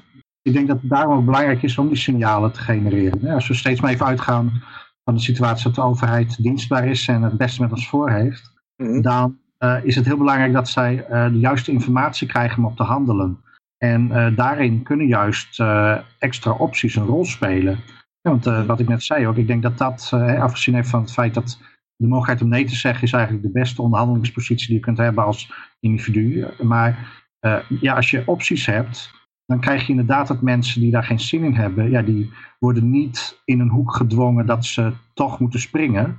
Mm. Ja, want ze kunnen gewoon blijven waar ze zitten. Ik denk dat dat een heel belangrijk aspect is van elke aanpassing die er wordt gedaan. Ja, want uh, uh, kijk, hoe je het als libertariër kunt bedenken, dat, ja, dat, dat wordt hem toch niet. En het heeft er ook weinig daar een hele ja, soort theoretische exercitie van te maken. Maar ik denk, ja, iets wat in de werkelijkheid zou gebeuren, in onze huidige politieke situatie, ja, dat zou ongetwijfeld moeten samengaan met de mogelijkheid om te blijven zitten waar je zit. En uh, juist dan door het optioneel te maken, die opties ook economisch zinnig te maken. dus dat het niet een of andere politieke regelding is waardoor alleen maar meer ambtenaren aan het werk komen voor controles, maar daadwerkelijk een economisch zinnige uh, regel waaruit zeg maar, zinnige marktwerkende prikkels kunnen komen. Ja, dan mhm. zou de informatie kunnen ontstaan in het systeem. Dan zouden door keuzes die dat gemaakt, door mensen die er zin in hebben, zouden de, ja, de, de beleidsmakers die het beste met ons voor hebben, die zouden dan uh, ja, kunnen beslissen. Want dat is vaak het probleem. Als jij beslissingen voor anderen wilt maken, het is heel moeilijk, want je hebt informatie nodig. Hè? En vaak zijn we wel gegevens. Ja, maar zoals de IT ons leert, uh, gegevens zijn geen informatie. En het is heel belangrijk om, de, om beslissingen te baseren op informatie. Dus het, uh, ja, het enige wat ik denkbaar acht, is dat er inderdaad een soort optionele situatie bij komt. Waardoor er een bepaalde vorm van informatie gegenereerd kan worden, waardoor ja, mogelijk een stap de juiste richting op kan worden gemaakt. Ja, ja. Ja, ik, ik weet het, uh, de LP heeft wel een soort van voorstel gedaan in die richting. Hè. Die zijn uitgegaan van, uh, op dit moment in ieder geval staat het programma, uh, van een negatieve inkomstenbelasting. Waarbij ze dan een soort van grens hebben gelegd bij 40.000 euro aan inkomen. als je daaronder zit, dan krijg je de helft van het verschil tot 40.000 euro krijg je terug. Weet je? Dus dan, dat stimuleert ook om dan uh, om dan wat harder aan het werk te gaan. Want ja, je houdt steeds maar de helft over van die 40.000, maximaal 20.000 als je helemaal niks doet. En dat is natuurlijk het voorstel wat, uh, wat Milton Ja, ja, ja, ja. Als je nu meer gaat verdienen bruto, dan is dat soms niet eens de helft wat je overhoudt.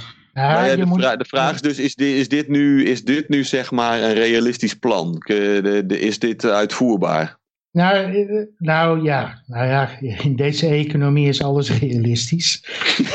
het maakt verder geen fuck uit. Ik bedoel, we, we draaien nu sowieso al op gebakken lucht. Maar uh, wat ik dan wel vind, hè, bijvoorbeeld bij de LP, uh, heb ik wel eens het idee van, ja, jullie zeggen wel dat jullie vrijheid willen, maar eigenlijk willen jullie gewoon belastingverlaging. Heb het dan daarover, dan haal je in mhm. ieder geval die verwachting uh, of uh, die verwarring weg. Ja, en als je wat nu... ik wel begrepen heb, ik heb ze in een interview gezien deze week nog was bij, hoe heet dat ook alweer, Podcast. Mm. Een programma van iemand die vroeger bij de Piratenpartij zat. die heeft Robert Valentine geïnterviewd. Dus zowel tegenwoordig de voorzitter als op dit moment waarschijnlijk nog de lijsttrekker. Dus de lijst mm. is nog niet bekend. Um, en die uh, Robert die zei ook wel, ja, er zijn natuurlijk meer punten waar de LP voor staat, maar dat is op dit moment niet iets wat goed verkoopt onder, uh, onder de kiezers. Dus dat is niet iets waar ze dan uh, waar ze de nadruk op leggen. Waarschijnlijk vandaar dat het dan over die belastingverlaging gaat. Nou, ik denk ja, ja, maar hebben het dan daarover? Ze willen zelfs, het dan daarover? Dus ze zelfs handhavers weer bewapenen, denk ik. Dat het privéwapenbezit ook alweer een goed item is waar je mee scoort, toch? Ja, dat zou ik hopen. We hebben natuurlijk vorige keer vorige keer ook wel over gehad. Hè? Over, over die hele milities bijvoorbeeld in, in Zwitserland. En, en het verschil tussen de Verenigde Staten en, en Europese landen. Waar er bijvoorbeeld veel betere training is voor, uh, voor wapengebruik. En ook veel betere ik denk, uh, Persoonlijk ben ik, in deze, in deze context... Nu gaan we allemaal los. Wacht even hoor. Ja. Zullen we Klaas even eerst doen? Ja. Klaas. Ik denk dat je... In Nederland is er niks te winnen met wapenbezit. Ik denk niet, ik, uh, ik, ik, ik, denk niet dat je daar... Ik, ik heb zelf praktijkervaring met dat het uh, gebied waar het niet uh, zo streng is als in Nederland. Maar ik denk dat het in Nederland niet zo... Het is niet een punt waarmee je kunt scoren. Nee, maar nu, nu, nu is er die discussie er is dat ze BOA's willen bewapenen. Want er eentje in elkaar geslagen is. Maar, dus, maar ja, ik denk... Als, als, ja, ik weet als, als ze eenmaal met tasers en, uh, en pepperspray rondlopen, dan ga je al bericht in de krant krijgen, krijgen dat de boa's een, een 14-jarig meisje hebben getaserd omdat ze geen blowjob wilden geven, weet je wel. Dat, uh, ja. En dan snap je van uh, waarom, ze, waarom wapenbezit voor eh, burgers in één keer een issue is. Uh, ja, ik denk niet dat een uh, politieke partij zonder zetel zich... Nee, maar ik bedoel, de mensen, de mensen die geen LP stemmen, dat zijn meestal ook, die nooit LP zullen stemmen. Dat zijn meestal de mensen die het prima vinden als BOA's bewapend zijn. Snap je? Ja, ja. Om ja, terug te komen maar, op, af, op de vraag van Rick. Ja, ja, ja. ja. Om terug te komen van, is het reëel? Uh, uh, ja, ik denk dat je het heel goed uitlegt. Ik denk dat als je het dan hebt over van ik wil gewoon keuze maken van uh, uh, om ehm, zelf invloed te hebben over nou, mijn eigen pensioensopbouw, dat soort dingen. Ik denk ten eerste dat dat, dat met, met die klappende pensioensfondsen, dat, dat, dat het nu ook wat relevanter is.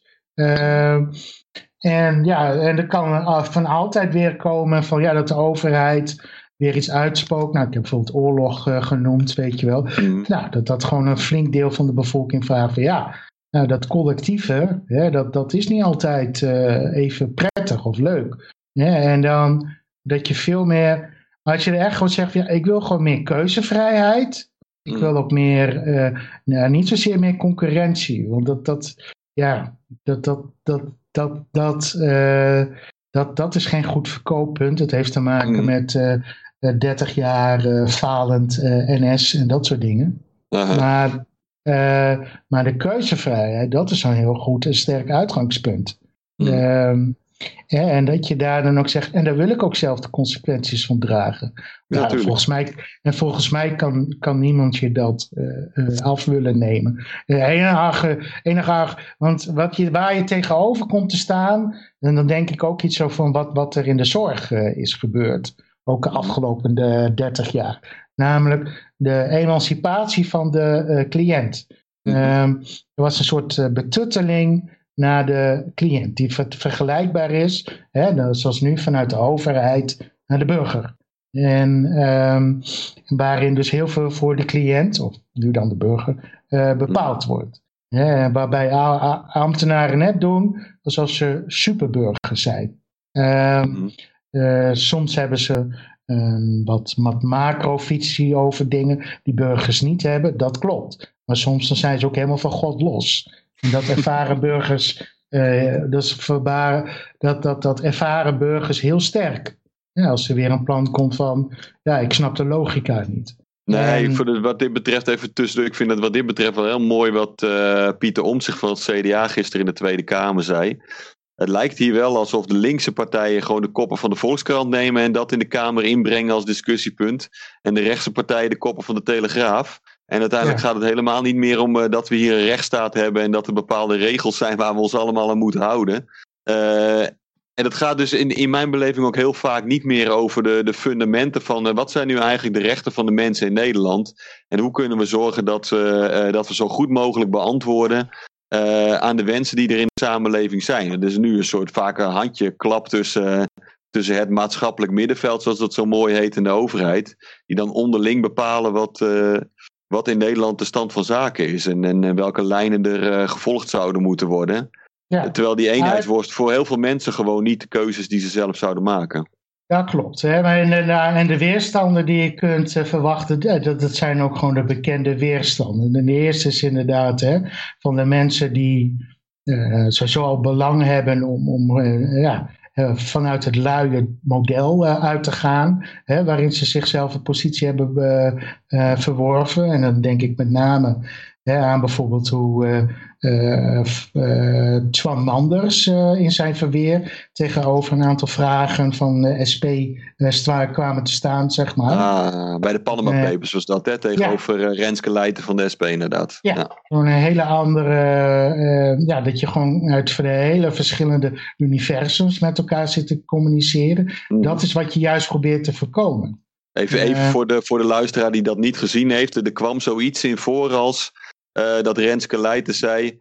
Ja, maar u heeft van ons uh, een sociale woning gekregen. U heeft een uitkering gekregen. U zou dankbaar moeten zijn. Ik, nou, dit, Twan, Twan reageerde er natuurlijk op uh, begrijpelijke libertarische manier op. Dat hij verontwaardigd was over die uitspraak. Dat hij er überhaupt dankbaar voor zou moeten zijn.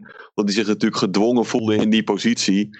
En dat hem alles was afgenomen. Wat ik volledig begrijp. je, als je die zaak een beetje gevolgd hebt, dan snap je libertarische Twan en niet ja, over 50 plus Twan, hè?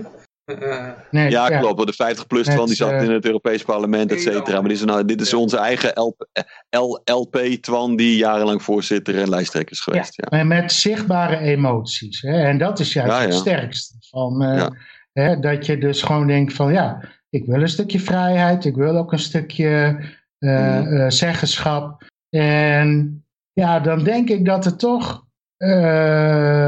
meer dat je meer ruimte hebt dan je zou kunnen verwachten. Niet iedereen zit vast in een systeem, zeg maar. Men accepteert het systeem. Dat is heel wat anders. Niet mm. iedereen heeft belang bij het systeem. Mm. Ze accepteren het gewoon. Je, zoals, zo, echt mensen, als je dit zou voorleggen aan de directeur van het UWV, mm. uh, is een hele andere dynamiek dan als je bijvoorbeeld je buurvrouw uh, zou vragen. Nou, wat, wat, ik, wat ik veel merk, ik, ik heb nogal, uh, nou ja, ik heb vrienden uit allerlei hoeken, maar wat ik veel hoor onder, onder mensen die geen libertariër zijn, is dat ze vrezen dat als de overheid uh, een kleinere rol krijgt, of er meer wordt overgelaten aan het bedrijfsleven, dat je dan diezelfde monopolisering van de markt krijgt, maar dan onder het bedrijfsleven, waar je niet de mogelijkheid hebt om daar iets in te stemmen of te kiezen. En ze hebben het idee dat dat nu in een democratie wel het geval is, wat ik persoonlijk niet denk, maar uh, ja, dat, dat zou dan hun zwaar zijn tegen een soort van die, uh, die macht bij de bedrijven. Maar dat nu al, toch? Uh... ja, daar wil ik wel wat over zeggen. Ja, want, ja Klaas. Um, ik, ik, snap die, ik snap die gedachtegang heel goed. Maar er is nu helemaal geen reden voor bedrijven om dat niet al te doen, inderdaad. Mm. Als, jij, als jij een groot concern hebt met veel geld, dan is er helemaal geen enkele reden om op wat voor manier dan ook monopolie na te streven. En mhm. eh, juist ook uh, uitkoop kan uitkoop van in de markt zijn. Dat kan ook het uh, inkopen in regulering zijn. Hè. Het kan gewoon ja, een bepaalde aspect. dat zie je hele grote bedrijven die leggen bepaalde aspecten bloot. Die laten vaak ook dingen echt goed mislopen in hun situatie. En dan, ja, dan wat ze dan waar ze dan naartoe werken, is dat er een soort regulering komt. Hè. Soms kopen, ik weet het niet, dat is speculatie van mijn kant. Hè. Misschien dat ze het mhm. gewoon min of meer aanvragen bij de ambtenaren of bij de overheid. Maar ja, ze kunnen ook gewoon dingen uh, op de spits drijven, omdat ze daar gewoon uh, het, de, de, de, de positie voor in de maatschappij hebben. En dan vervolgens ja, gewoon uh, het natuurlijke verloop van de behoefte om het te reguleren af kunnen wachten. En dan ook gewoon op die regulering in kunnen springen. Omdat ze al een gevestigde kapitaalpositie hebben. Hè, waardoor ze uh, hoe dan ook, hè, of ze het nou direct of indirect doen, via de overheid of via de markt, een groot concern zal altijd aan zijn macht werken, aan zijn uh, voortbestaan. En dat mm. zal altijd neigen naar een uh, soort stap richting het monopolisme. En dus dat, ja, daar, daar ontkomt niet aan. En um, ja, daar, daar geldt weer voor dat de enige, enige bescherming die je daartegen hebt, de mogelijkheid om nee te kunnen zeggen. Mm. Tegen wat voor product of diensten nou wordt aangenomen. Maar uh, hoe lang, uh, want had je nog andere punten? Een suggestie was dat gewoon die ene suggestie die je had van de alternatief van de ZZP? Ja, ik heb nog, uh, ik heb nog wel één ding. En dat, dat, is, dat het gaat een beetje terug op dat in het verleden die hele verzorgingsstaat veel meer werd vervuld door, door organisaties uit de samenleving zelf. Uh, Dus dat je in, in Nederland zie je een ongelofelijke uh, liefdadigheidscircuit en ook allerlei fondsen die er bestaan voor ik weet niet wat voor doelen allemaal. Uh, en bij mij rijst eigenlijk de vraag van de, zou dat niet op heel veel punten een, een veel adequatere oplossing zijn dan uh, dat soort taken maar bij de overheid te laten, die met die specifieke doelgroep misschien helemaal wel geen voeling hebben. Dus bijvoorbeeld Fonds voor het Gehandicapte Kind, allerlei. Uh, uh, je kan het zo gek niet bedenken, studiefondsen voor, voor Joodse meisjes zonder ouders, dat soort dingen. Er zijn allerlei fondsen en mogelijkheden in, in, de, in de samenleving die dat soort dingen prima kunnen oplossen. Dus mijn vraag is dan een beetje zijn die fondsen niet gewoon een prima alternatief voor, voor al die overheidsregelingen en al die instanties van de overheid die sectoren van de samenleving ondersteunen? Ja, toch? Ja, toch? Ja, maar, maar, hoe zie je dan, ja, als je daar idee over hebt, maar hoe zie je dat voor je, die transitie van de huidige situatie naar een situatie waarin, waarin fondsen een grotere rol spelen? Wie gaat er eerst? Johan, ga je gang. Nee, Klaas. Ja? Ik hè? Um, nou ja, kijk, dat is natuurlijk een, uh, een hele wenselijke richting. Hè? Dat, uh, dat je gewoon op eigen initiatief uh, dingen regelt. En dat is ook waar je eigenlijk op aangewezen bent. In een situatie waarbij je tussen wel in het schip valt als er niet een algemeen vangnet is. Mm, dan het is ben je daar juist ook... daarom dat ik dat benoem natuurlijk. Hè? Ja. ja dus het is in, in heel veel uh, voor heel veel mensen is het een daadwerkelijke uh, realiteit dat ze daarvan afhankelijk zijn. Um, ja, ik, ik weet, ik, ik, heb zelf uh, zoiets dat de algemene, dat eigenlijk alles, want het is heel makkelijk om dingen te bedenken, zeg maar, die beter zijn, omdat hoe het is, is in sommige opzichten gewoon objectief al slecht te noemen. En, maar als je zeg maar aan een goed alternatief het label gaat hangen dat het ook realistisch is dat het gebeurt, mm. ja, dan kan je 90% van mijn ideeën wel meteen uh, bij het vuil zetten. Mm. En dat is denk ik, ja, dat is het lot wat je als libertariër vaak uh, zult treffen. Het is heel makkelijk om als libertariër tot dezelfde conclusie te komen. En, en dat hebben we ook wel eens gemerkt in het verleden, dat ja, als je elkaar nooit had ontmoet en je uh, ja, je ging over een item spreken waar je eigenlijk nooit over had uh, nagedacht, dat je toch wel vrij vlot op hetzelfde principe terecht kwam. Mm -hmm. um, ja, dat is misschien ook de eenvoud van, van, van, de filosofie. Maar als je, ja, ik, ik denk haalbaar, ik, ik, zou, ik weet niet of het haalbaar is, maar ik zou wel inderdaad willen dat binnen de wat je haalbaar is, wat je kunt doen, hè, dus dat je in het, het spel meespeelt, dat je dan dingen zou afdwingen die daar uh, een soort basis voor leggen. Dat je die vrijheid meer kunt nemen, wat jij zegt. Mm. Dat, want in mijn ogen is uh, zo'n, als iets zeg maar vanuit een groep mensen zelf wordt georganiseerd, als iets vrijwillig tot stand komt. Volgens mij hoort daar een soort ehm, gevoel van verantwoordelijkheid nemen bij aan de ene kant. Solidariteit hoort erbij, speelt er een paar bij. Dat zijn allemaal emotionele staten waar je, waar je mm. kunt wat je, of, een gevoel dat je kunt hebben. En uh, ik denk dat daarbij misschien hoort uh, ook gewoon um, ja, dat je een beetje, als we het puur op Nederland betrekken, dat, je, dat we een beetje los worden geweekt van dat alles uh, afgekaderd is. Hè? Want wat jij mm. zei net van die twee derde, die curatele situatie. Mm. daarmee, alles is nu al zo voorbestemd, zeg maar. Mm. En, en, en de tendens lijkt ook dat het nog gekker moet dan dit. Het, je, je kan dat getal noemen, twee derde. Ik denk niet eens dat dat uh, te veel is. Ik denk dat het voor sommige mensen zelfs aan de lage kant is. Hè, maar net in welk uh, spectrum van de economie je bevindt. Qua inkomen en bestedingen. Maar um, ja, als ik nu kijk naar... Ik hoor letterlijk heel veel mensen echt vinden dat er moet nog meer worden geregeld. Er wordt eigenlijk een hele grote schreeuw om nog meer collectiviteit gedaan. Mm. Dus dat vind ik heel moeilijk. En ik, als ik dan denk aan wat voor, uh, wat voor beeld moet je daar dan tegenover zetten, dan denk ik dat je eigenlijk met een soort richtlijnen moet komen. Uh, bijvoorbeeld dat je, um, als je 40 uur werkt, en ook al heb je minimumloon, mm. moeten er gewoon betaalbare huur- en koopwoning zijn. Misschien niet op die plek vlak naast hè, in de culturele centrum van een pittoresk stadje. Mm. Maar gewoon in een straal van 30, 40 kilometer waar je woont, moet dat gewoon beschikbaar zijn. En als dat niet is, dan moet gewoon, dan mag regulering niet worden gebruikt om het in te perken.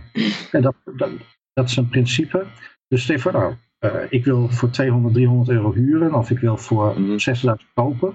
Kan het niet, dan zou je eigenlijk aanspraak moeten maken op uh, het niet mogen verbieden door regulering. Dus dan ga je gewoon de overheid en dan zeg je van ik wil niet onrealistisch veel betalen voor die, die dingen. Ik claim gewoon mijn stukje land op, mijn stukje gebied. Mm En dat mag net zo lang in mijn ogen totdat, totdat het gewoon bestaat. Hè? Als het gewoon bestaat, dan zeg je, oh je wilt eh, voor een relatief laag bedrag kopen of huren, maar het bestaat gewoon klaar. Ja, je hoeft niet uh, alle natuurgebieden aan op te offeren, wat dan ook. Maar zolang het absurd slecht is, zoals nu, dan moet, het, dan moet je dat gewoon kunnen claimen. En ik denk ook dat uh, bijvoorbeeld dingen zoals eten, uh, eten moet gewoon niet duur zijn. Ik vind het heel raar dat we een heel subsidiecircus hebben. Zo, hoe noem je dat? Uit toeslagen. Toeslagencircus, ja. ja. Het is inderdaad heel raar dat je aan de ene kant dat hebt. Maar dat aan de andere kant ook linkse partijen ermee akkoord gaan dat drinkwater twee keer zo duur wordt. Mhm. En, en dat zijn allemaal kleine dingen, maar je kan zeggen ja, in het totaal valt het, gaat misschien in totaal maar een paar euro. Maar een, stijging van 50% of stijging van 100% is wel mm. bizar. En ook die btw-stijgingen op eten. Mm. Dat zou eigenlijk, dan moet ik zeggen, nee, we gaan niet eten belasten. Als je inkomen hebt, moet je gewoon kunnen eten. En daarna pas belasten. Dat zou, ik, ik weet niet of dat een haalbaar principe is, maar dat, dat zijn voor mij misschien verhalen. En daardoor zou je een situatie kunnen creëren dat je in ieder geval het dagelijks leven door kunt komen. Zonder meteen uh, ja, door je hele inkomen te zijn. En, want ik denk dat dat zo, er moet een soort basis zijn waarop dat idee van jou kan uh, wortel schieten. Mhm. Ik denk dat, uh, ja, sorry, je bent uh, al vijf minuten bezig, maar je geeft geen antwoord op de vraag: wat is de rol van liefdadigheid Hoor je iets zegt? bij het plan? nou, Richard, gooi hem los, jongen. Oké, ga los. Uh, het, Kom zo nog even terug bij Klaas voor commentaar. ja, ik begrijp uh, wat de, uh, wat de aantrekkelijkheid van lief, liefdadigheid is. Ja. Want daar kun je voor kiezen. ik geef hier, geef daar. Er zijn wel een aantal problemen van liefdadigheid. de eerste is, liefdadigheid maakt zelf ook kosten. Er zit altijd een overhead aan. Vandaar dat je ehm, CBF-keurmerk hebt. Hè? De, de link heb ik ook gepost op de pagina van het Stuurloos. Ja, ja. maar ga verder. Wat, uh, wat mensen ervan kan weerhouden om, hè, om zelf te doneren. Want ja, het uh, geld gaat alleen maar naar uh, het kantoor en niet mm. naar het doel wat ik wil steunen. De andere is, je kunt er wel geld geven aan zo'n liefdadigheid. Maar je, dus, ja, er zal toch ook iets of iemand tijd moeten investeren mm in, in het draaien van iets. Dus ja. en in de huidige samenleving ja, kost tijd gewoon geld. En, dat is ook niet raar, hè? maar dat, wat, je, wat je ziet op die site van het CBF, die dus het keurmerk voor goede doelen, is dat ze heel duidelijk hebben aangegeven welk percentage van het geld dat binnenkomt bij zo'n goed doel opgaat aan overhead. Dat kun je per goed doel kun je dat checken op die site. Dus dat is eigenlijk een heel mooi soort vergelijkingsmechanisme. En het laatste, laatste punt is, wat doe je als er uh, iemand heel veel geld aan het, uh, buitenproportioneel veel geld aan zo'n goed doel geeft? Want dat, levert ook dat, ik begrijp dat dat een probleem is. Ja, want dat levert ook een bepaalde dynamiek op. Uh, dat anderen het uh, ook allemaal gaan wantrouwen. Uh, nou, dat merk je bijvoorbeeld bij Bill Gates of zo. Maar de vraag is hè, van wat is de politieke invloed van een grote uh, donatie? Ja. Hè? En de politieke invloed van de belasting, die wordt nu verdeeld over allerlei partijtjes hier in Nederland. Mm. En dat is bij, en de, die dynamiek ligt bij een liefdadigheidsdoel weer net wat anders. Dan verwacht je dus, ja, uh, iemand doneert heel veel geld, goh, hij zou wel dit of dat willen. Ja, dat snap ik. Maar dan komen we weer terug bij wat, wat Klaas net natuurlijk al een paar keer zei. je hebt bij een liefdadigheid de mogelijkheid om nee te zeggen. Dat je denkt, nou, dat, dat is een goede doel, dat vertrouw ik dus niet meer. de hartelijke groeten, ik ga naar een ander goed doel, want ik denk dat die het beter doen. Ja, maar dat betekent dus hè, dat je dus liefdadigheid niet als structurele uh, oplossing kunt aanbieden. Je kunt het wel als aanvulling gebruiken. Hè, of je gaat zeggen van we dekken hiermee de gevallen af die tussen wal en schip uh, belanden. Mhm. Heel goed. maar niet als structurele oplossing voor structurele problemen. Ja, Klaas, wou, je nog, uh, wou je nog reageren? Of, uh, ja, ja, ja. Ik, ik, snap ook wel dat mijn verhaal was ook lang. Uh, maar wat, ik was eigenlijk bijna afgerond. het punt wat ik wil maken is dat je... ik denk dat aardigheid wel degelijk die rol kan vervullen. Mm. Omdat het, het gaat om grote getallen. Kijk, als je gewoon gaat kijken naar twee mensen... En je gaat al je kennis van de wereld baseren over die twee mensen wel genoeg aan liefdadigheid doen. Ja, dan kan het heel wisselvallig resultaat opleveren. Het, ja, individuen zijn nou veel minder voorspelbaar dan een massa. Maar een massa is wel degelijk voorspelbaar. En het is ook al vaak genoeg gebleken dat ja, als je dingen niet collectief regelt, ja, dan zijn heel veel zaken die nu collectief geregeld moeten worden, dat zijn helemaal geen problemen. In een maatschappij waar het levensonderhoud veel goedkoper is. En dan kom je in de situatie waarbij de echte schrijnende buitensporige gevallen, die mm. worden vaak wel opgevangen. Daarvoor is wel genoeg liefdadigheid. We hebben vaak genoeg in het gezien. Je weet van tevoren niet. Je kan niemand dwingen. Je kan het niet zeker voorspellen. Maar als er schrijnende gevallen is, dan is er eigenlijk altijd wel liefdadigheid. Dat is eigenlijk een soort constante. Dus in die zin geloof ik er wel in. En mijn lange verhaal net was eigenlijk... Ik probeer eigenlijk een punt te maken voordat er moet een bodem zijn waarop meer mensen de vrijheid, de mogelijkheid hebben om uh, daar een, een steentje aan bij te dragen. Doordat zeg maar... Uh, dingen die gewoon ja, onmisbaar zijn, zoals een dak boven je hoofd, eten, drinken. Uh, je moet eigenlijk politieke middelen aanwenden om te voorkomen dat dat een melkkoe wordt. Dat moet je eigenlijk af. Eigenlijk moet belasting pas een rol gaan spelen na de eerste levensbehoefte. Dat is mijn mm. Ik weet niet of het een realistisch punt is. Maar als je dat zou nastreven, dan zou inderdaad uh, voor iedereen, ook mensen met een heel laag inkomen, zou een heel scala aan private opties en aan uh, liefdadigheidsopties een, een, een, onderdeel van hun leven een rol kunnen gaan spelen.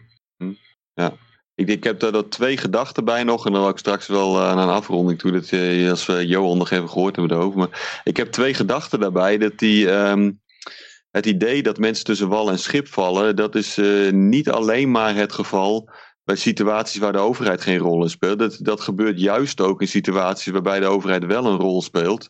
En mensen bijvoorbeeld niet weten eh, hoe ze toegang kunnen krijgen tot een bepaalde regeling. Uh, of bijvoorbeeld niet weten hoe ze, uh, hoe ze bepaalde zorg moeten aanvragen.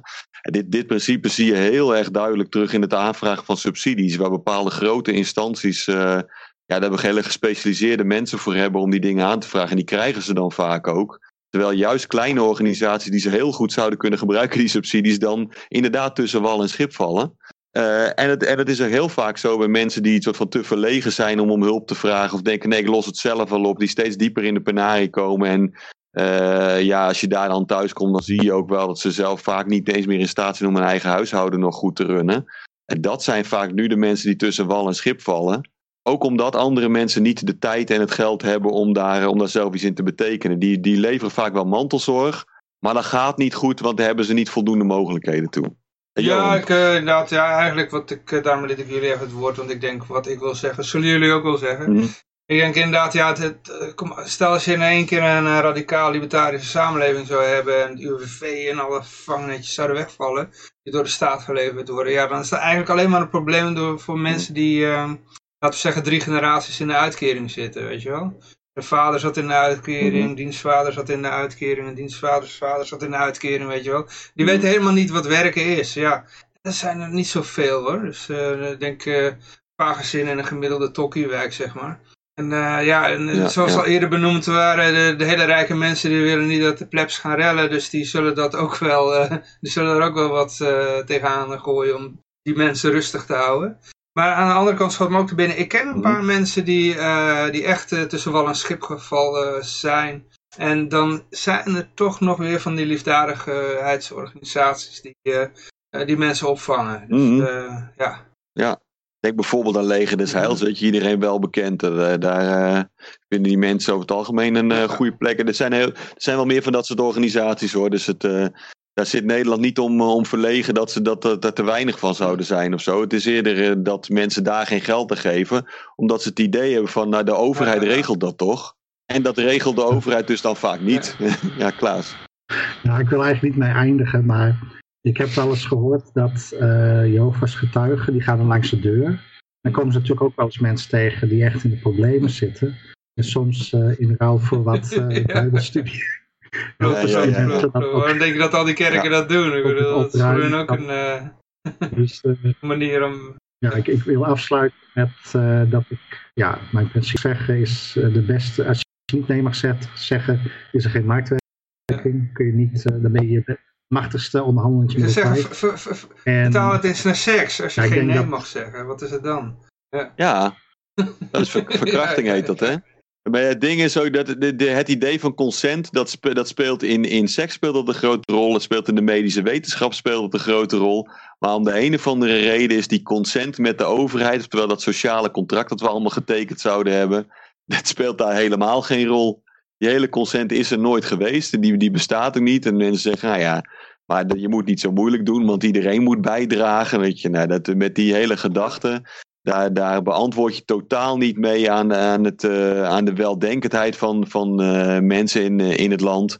En volgens mij is dat echt niet eh, de weg die je moet willen gaan. Is het ook geen duurzame oplossing. Nee, helemaal eens. En ja, mijn tweede punt is, de, ik denk dat eh, als je eerste le- belasting en regulering moet na eerste levensbehoeftes pas beginnen. Ik denk dat dat ook een belangrijk aspect is. Ik denk dat je heel veel over hebt aan organisaties en ook eh, dit thema van vandaag, UWV. Ik denk dat dat een veel minder belangrijke rol speelt als je eerste levensbehoeftes niet eh, ja, door regulering en belasting totaal on- onbetaalbaar gemaakt worden. Als je gewoon voor 200, 300 euro kunt huren of kopen. eh, en je kan gewoon voor een paar honderd euro gezond eten. En dan, Mhm. dan speelt dat alweer veel minder rol. En dan kan je makkelijker in een ander vangnet rusten. Eh, je kan makkelijker voor jezelf wat dingen regelen. Dus dat, eh, ja, die twee dingen. Bedankt. Wel mooi. Ja, jij bedankt. Eh, Richard, wil gewoon een laatste woord? Nee, eh, ik, eh, ach, dat van Klaas was zo mooi. Ja, nou prachtig. Dan, dan sluiten Ja. we daarmee af. Goed, uiteraard zijn we de volgende week weer. Ehm, ja, we hebben uiteraard eh, maandag hebben we Honkler Hangout met, eh met Yoshi. Eh, 24 uur lang.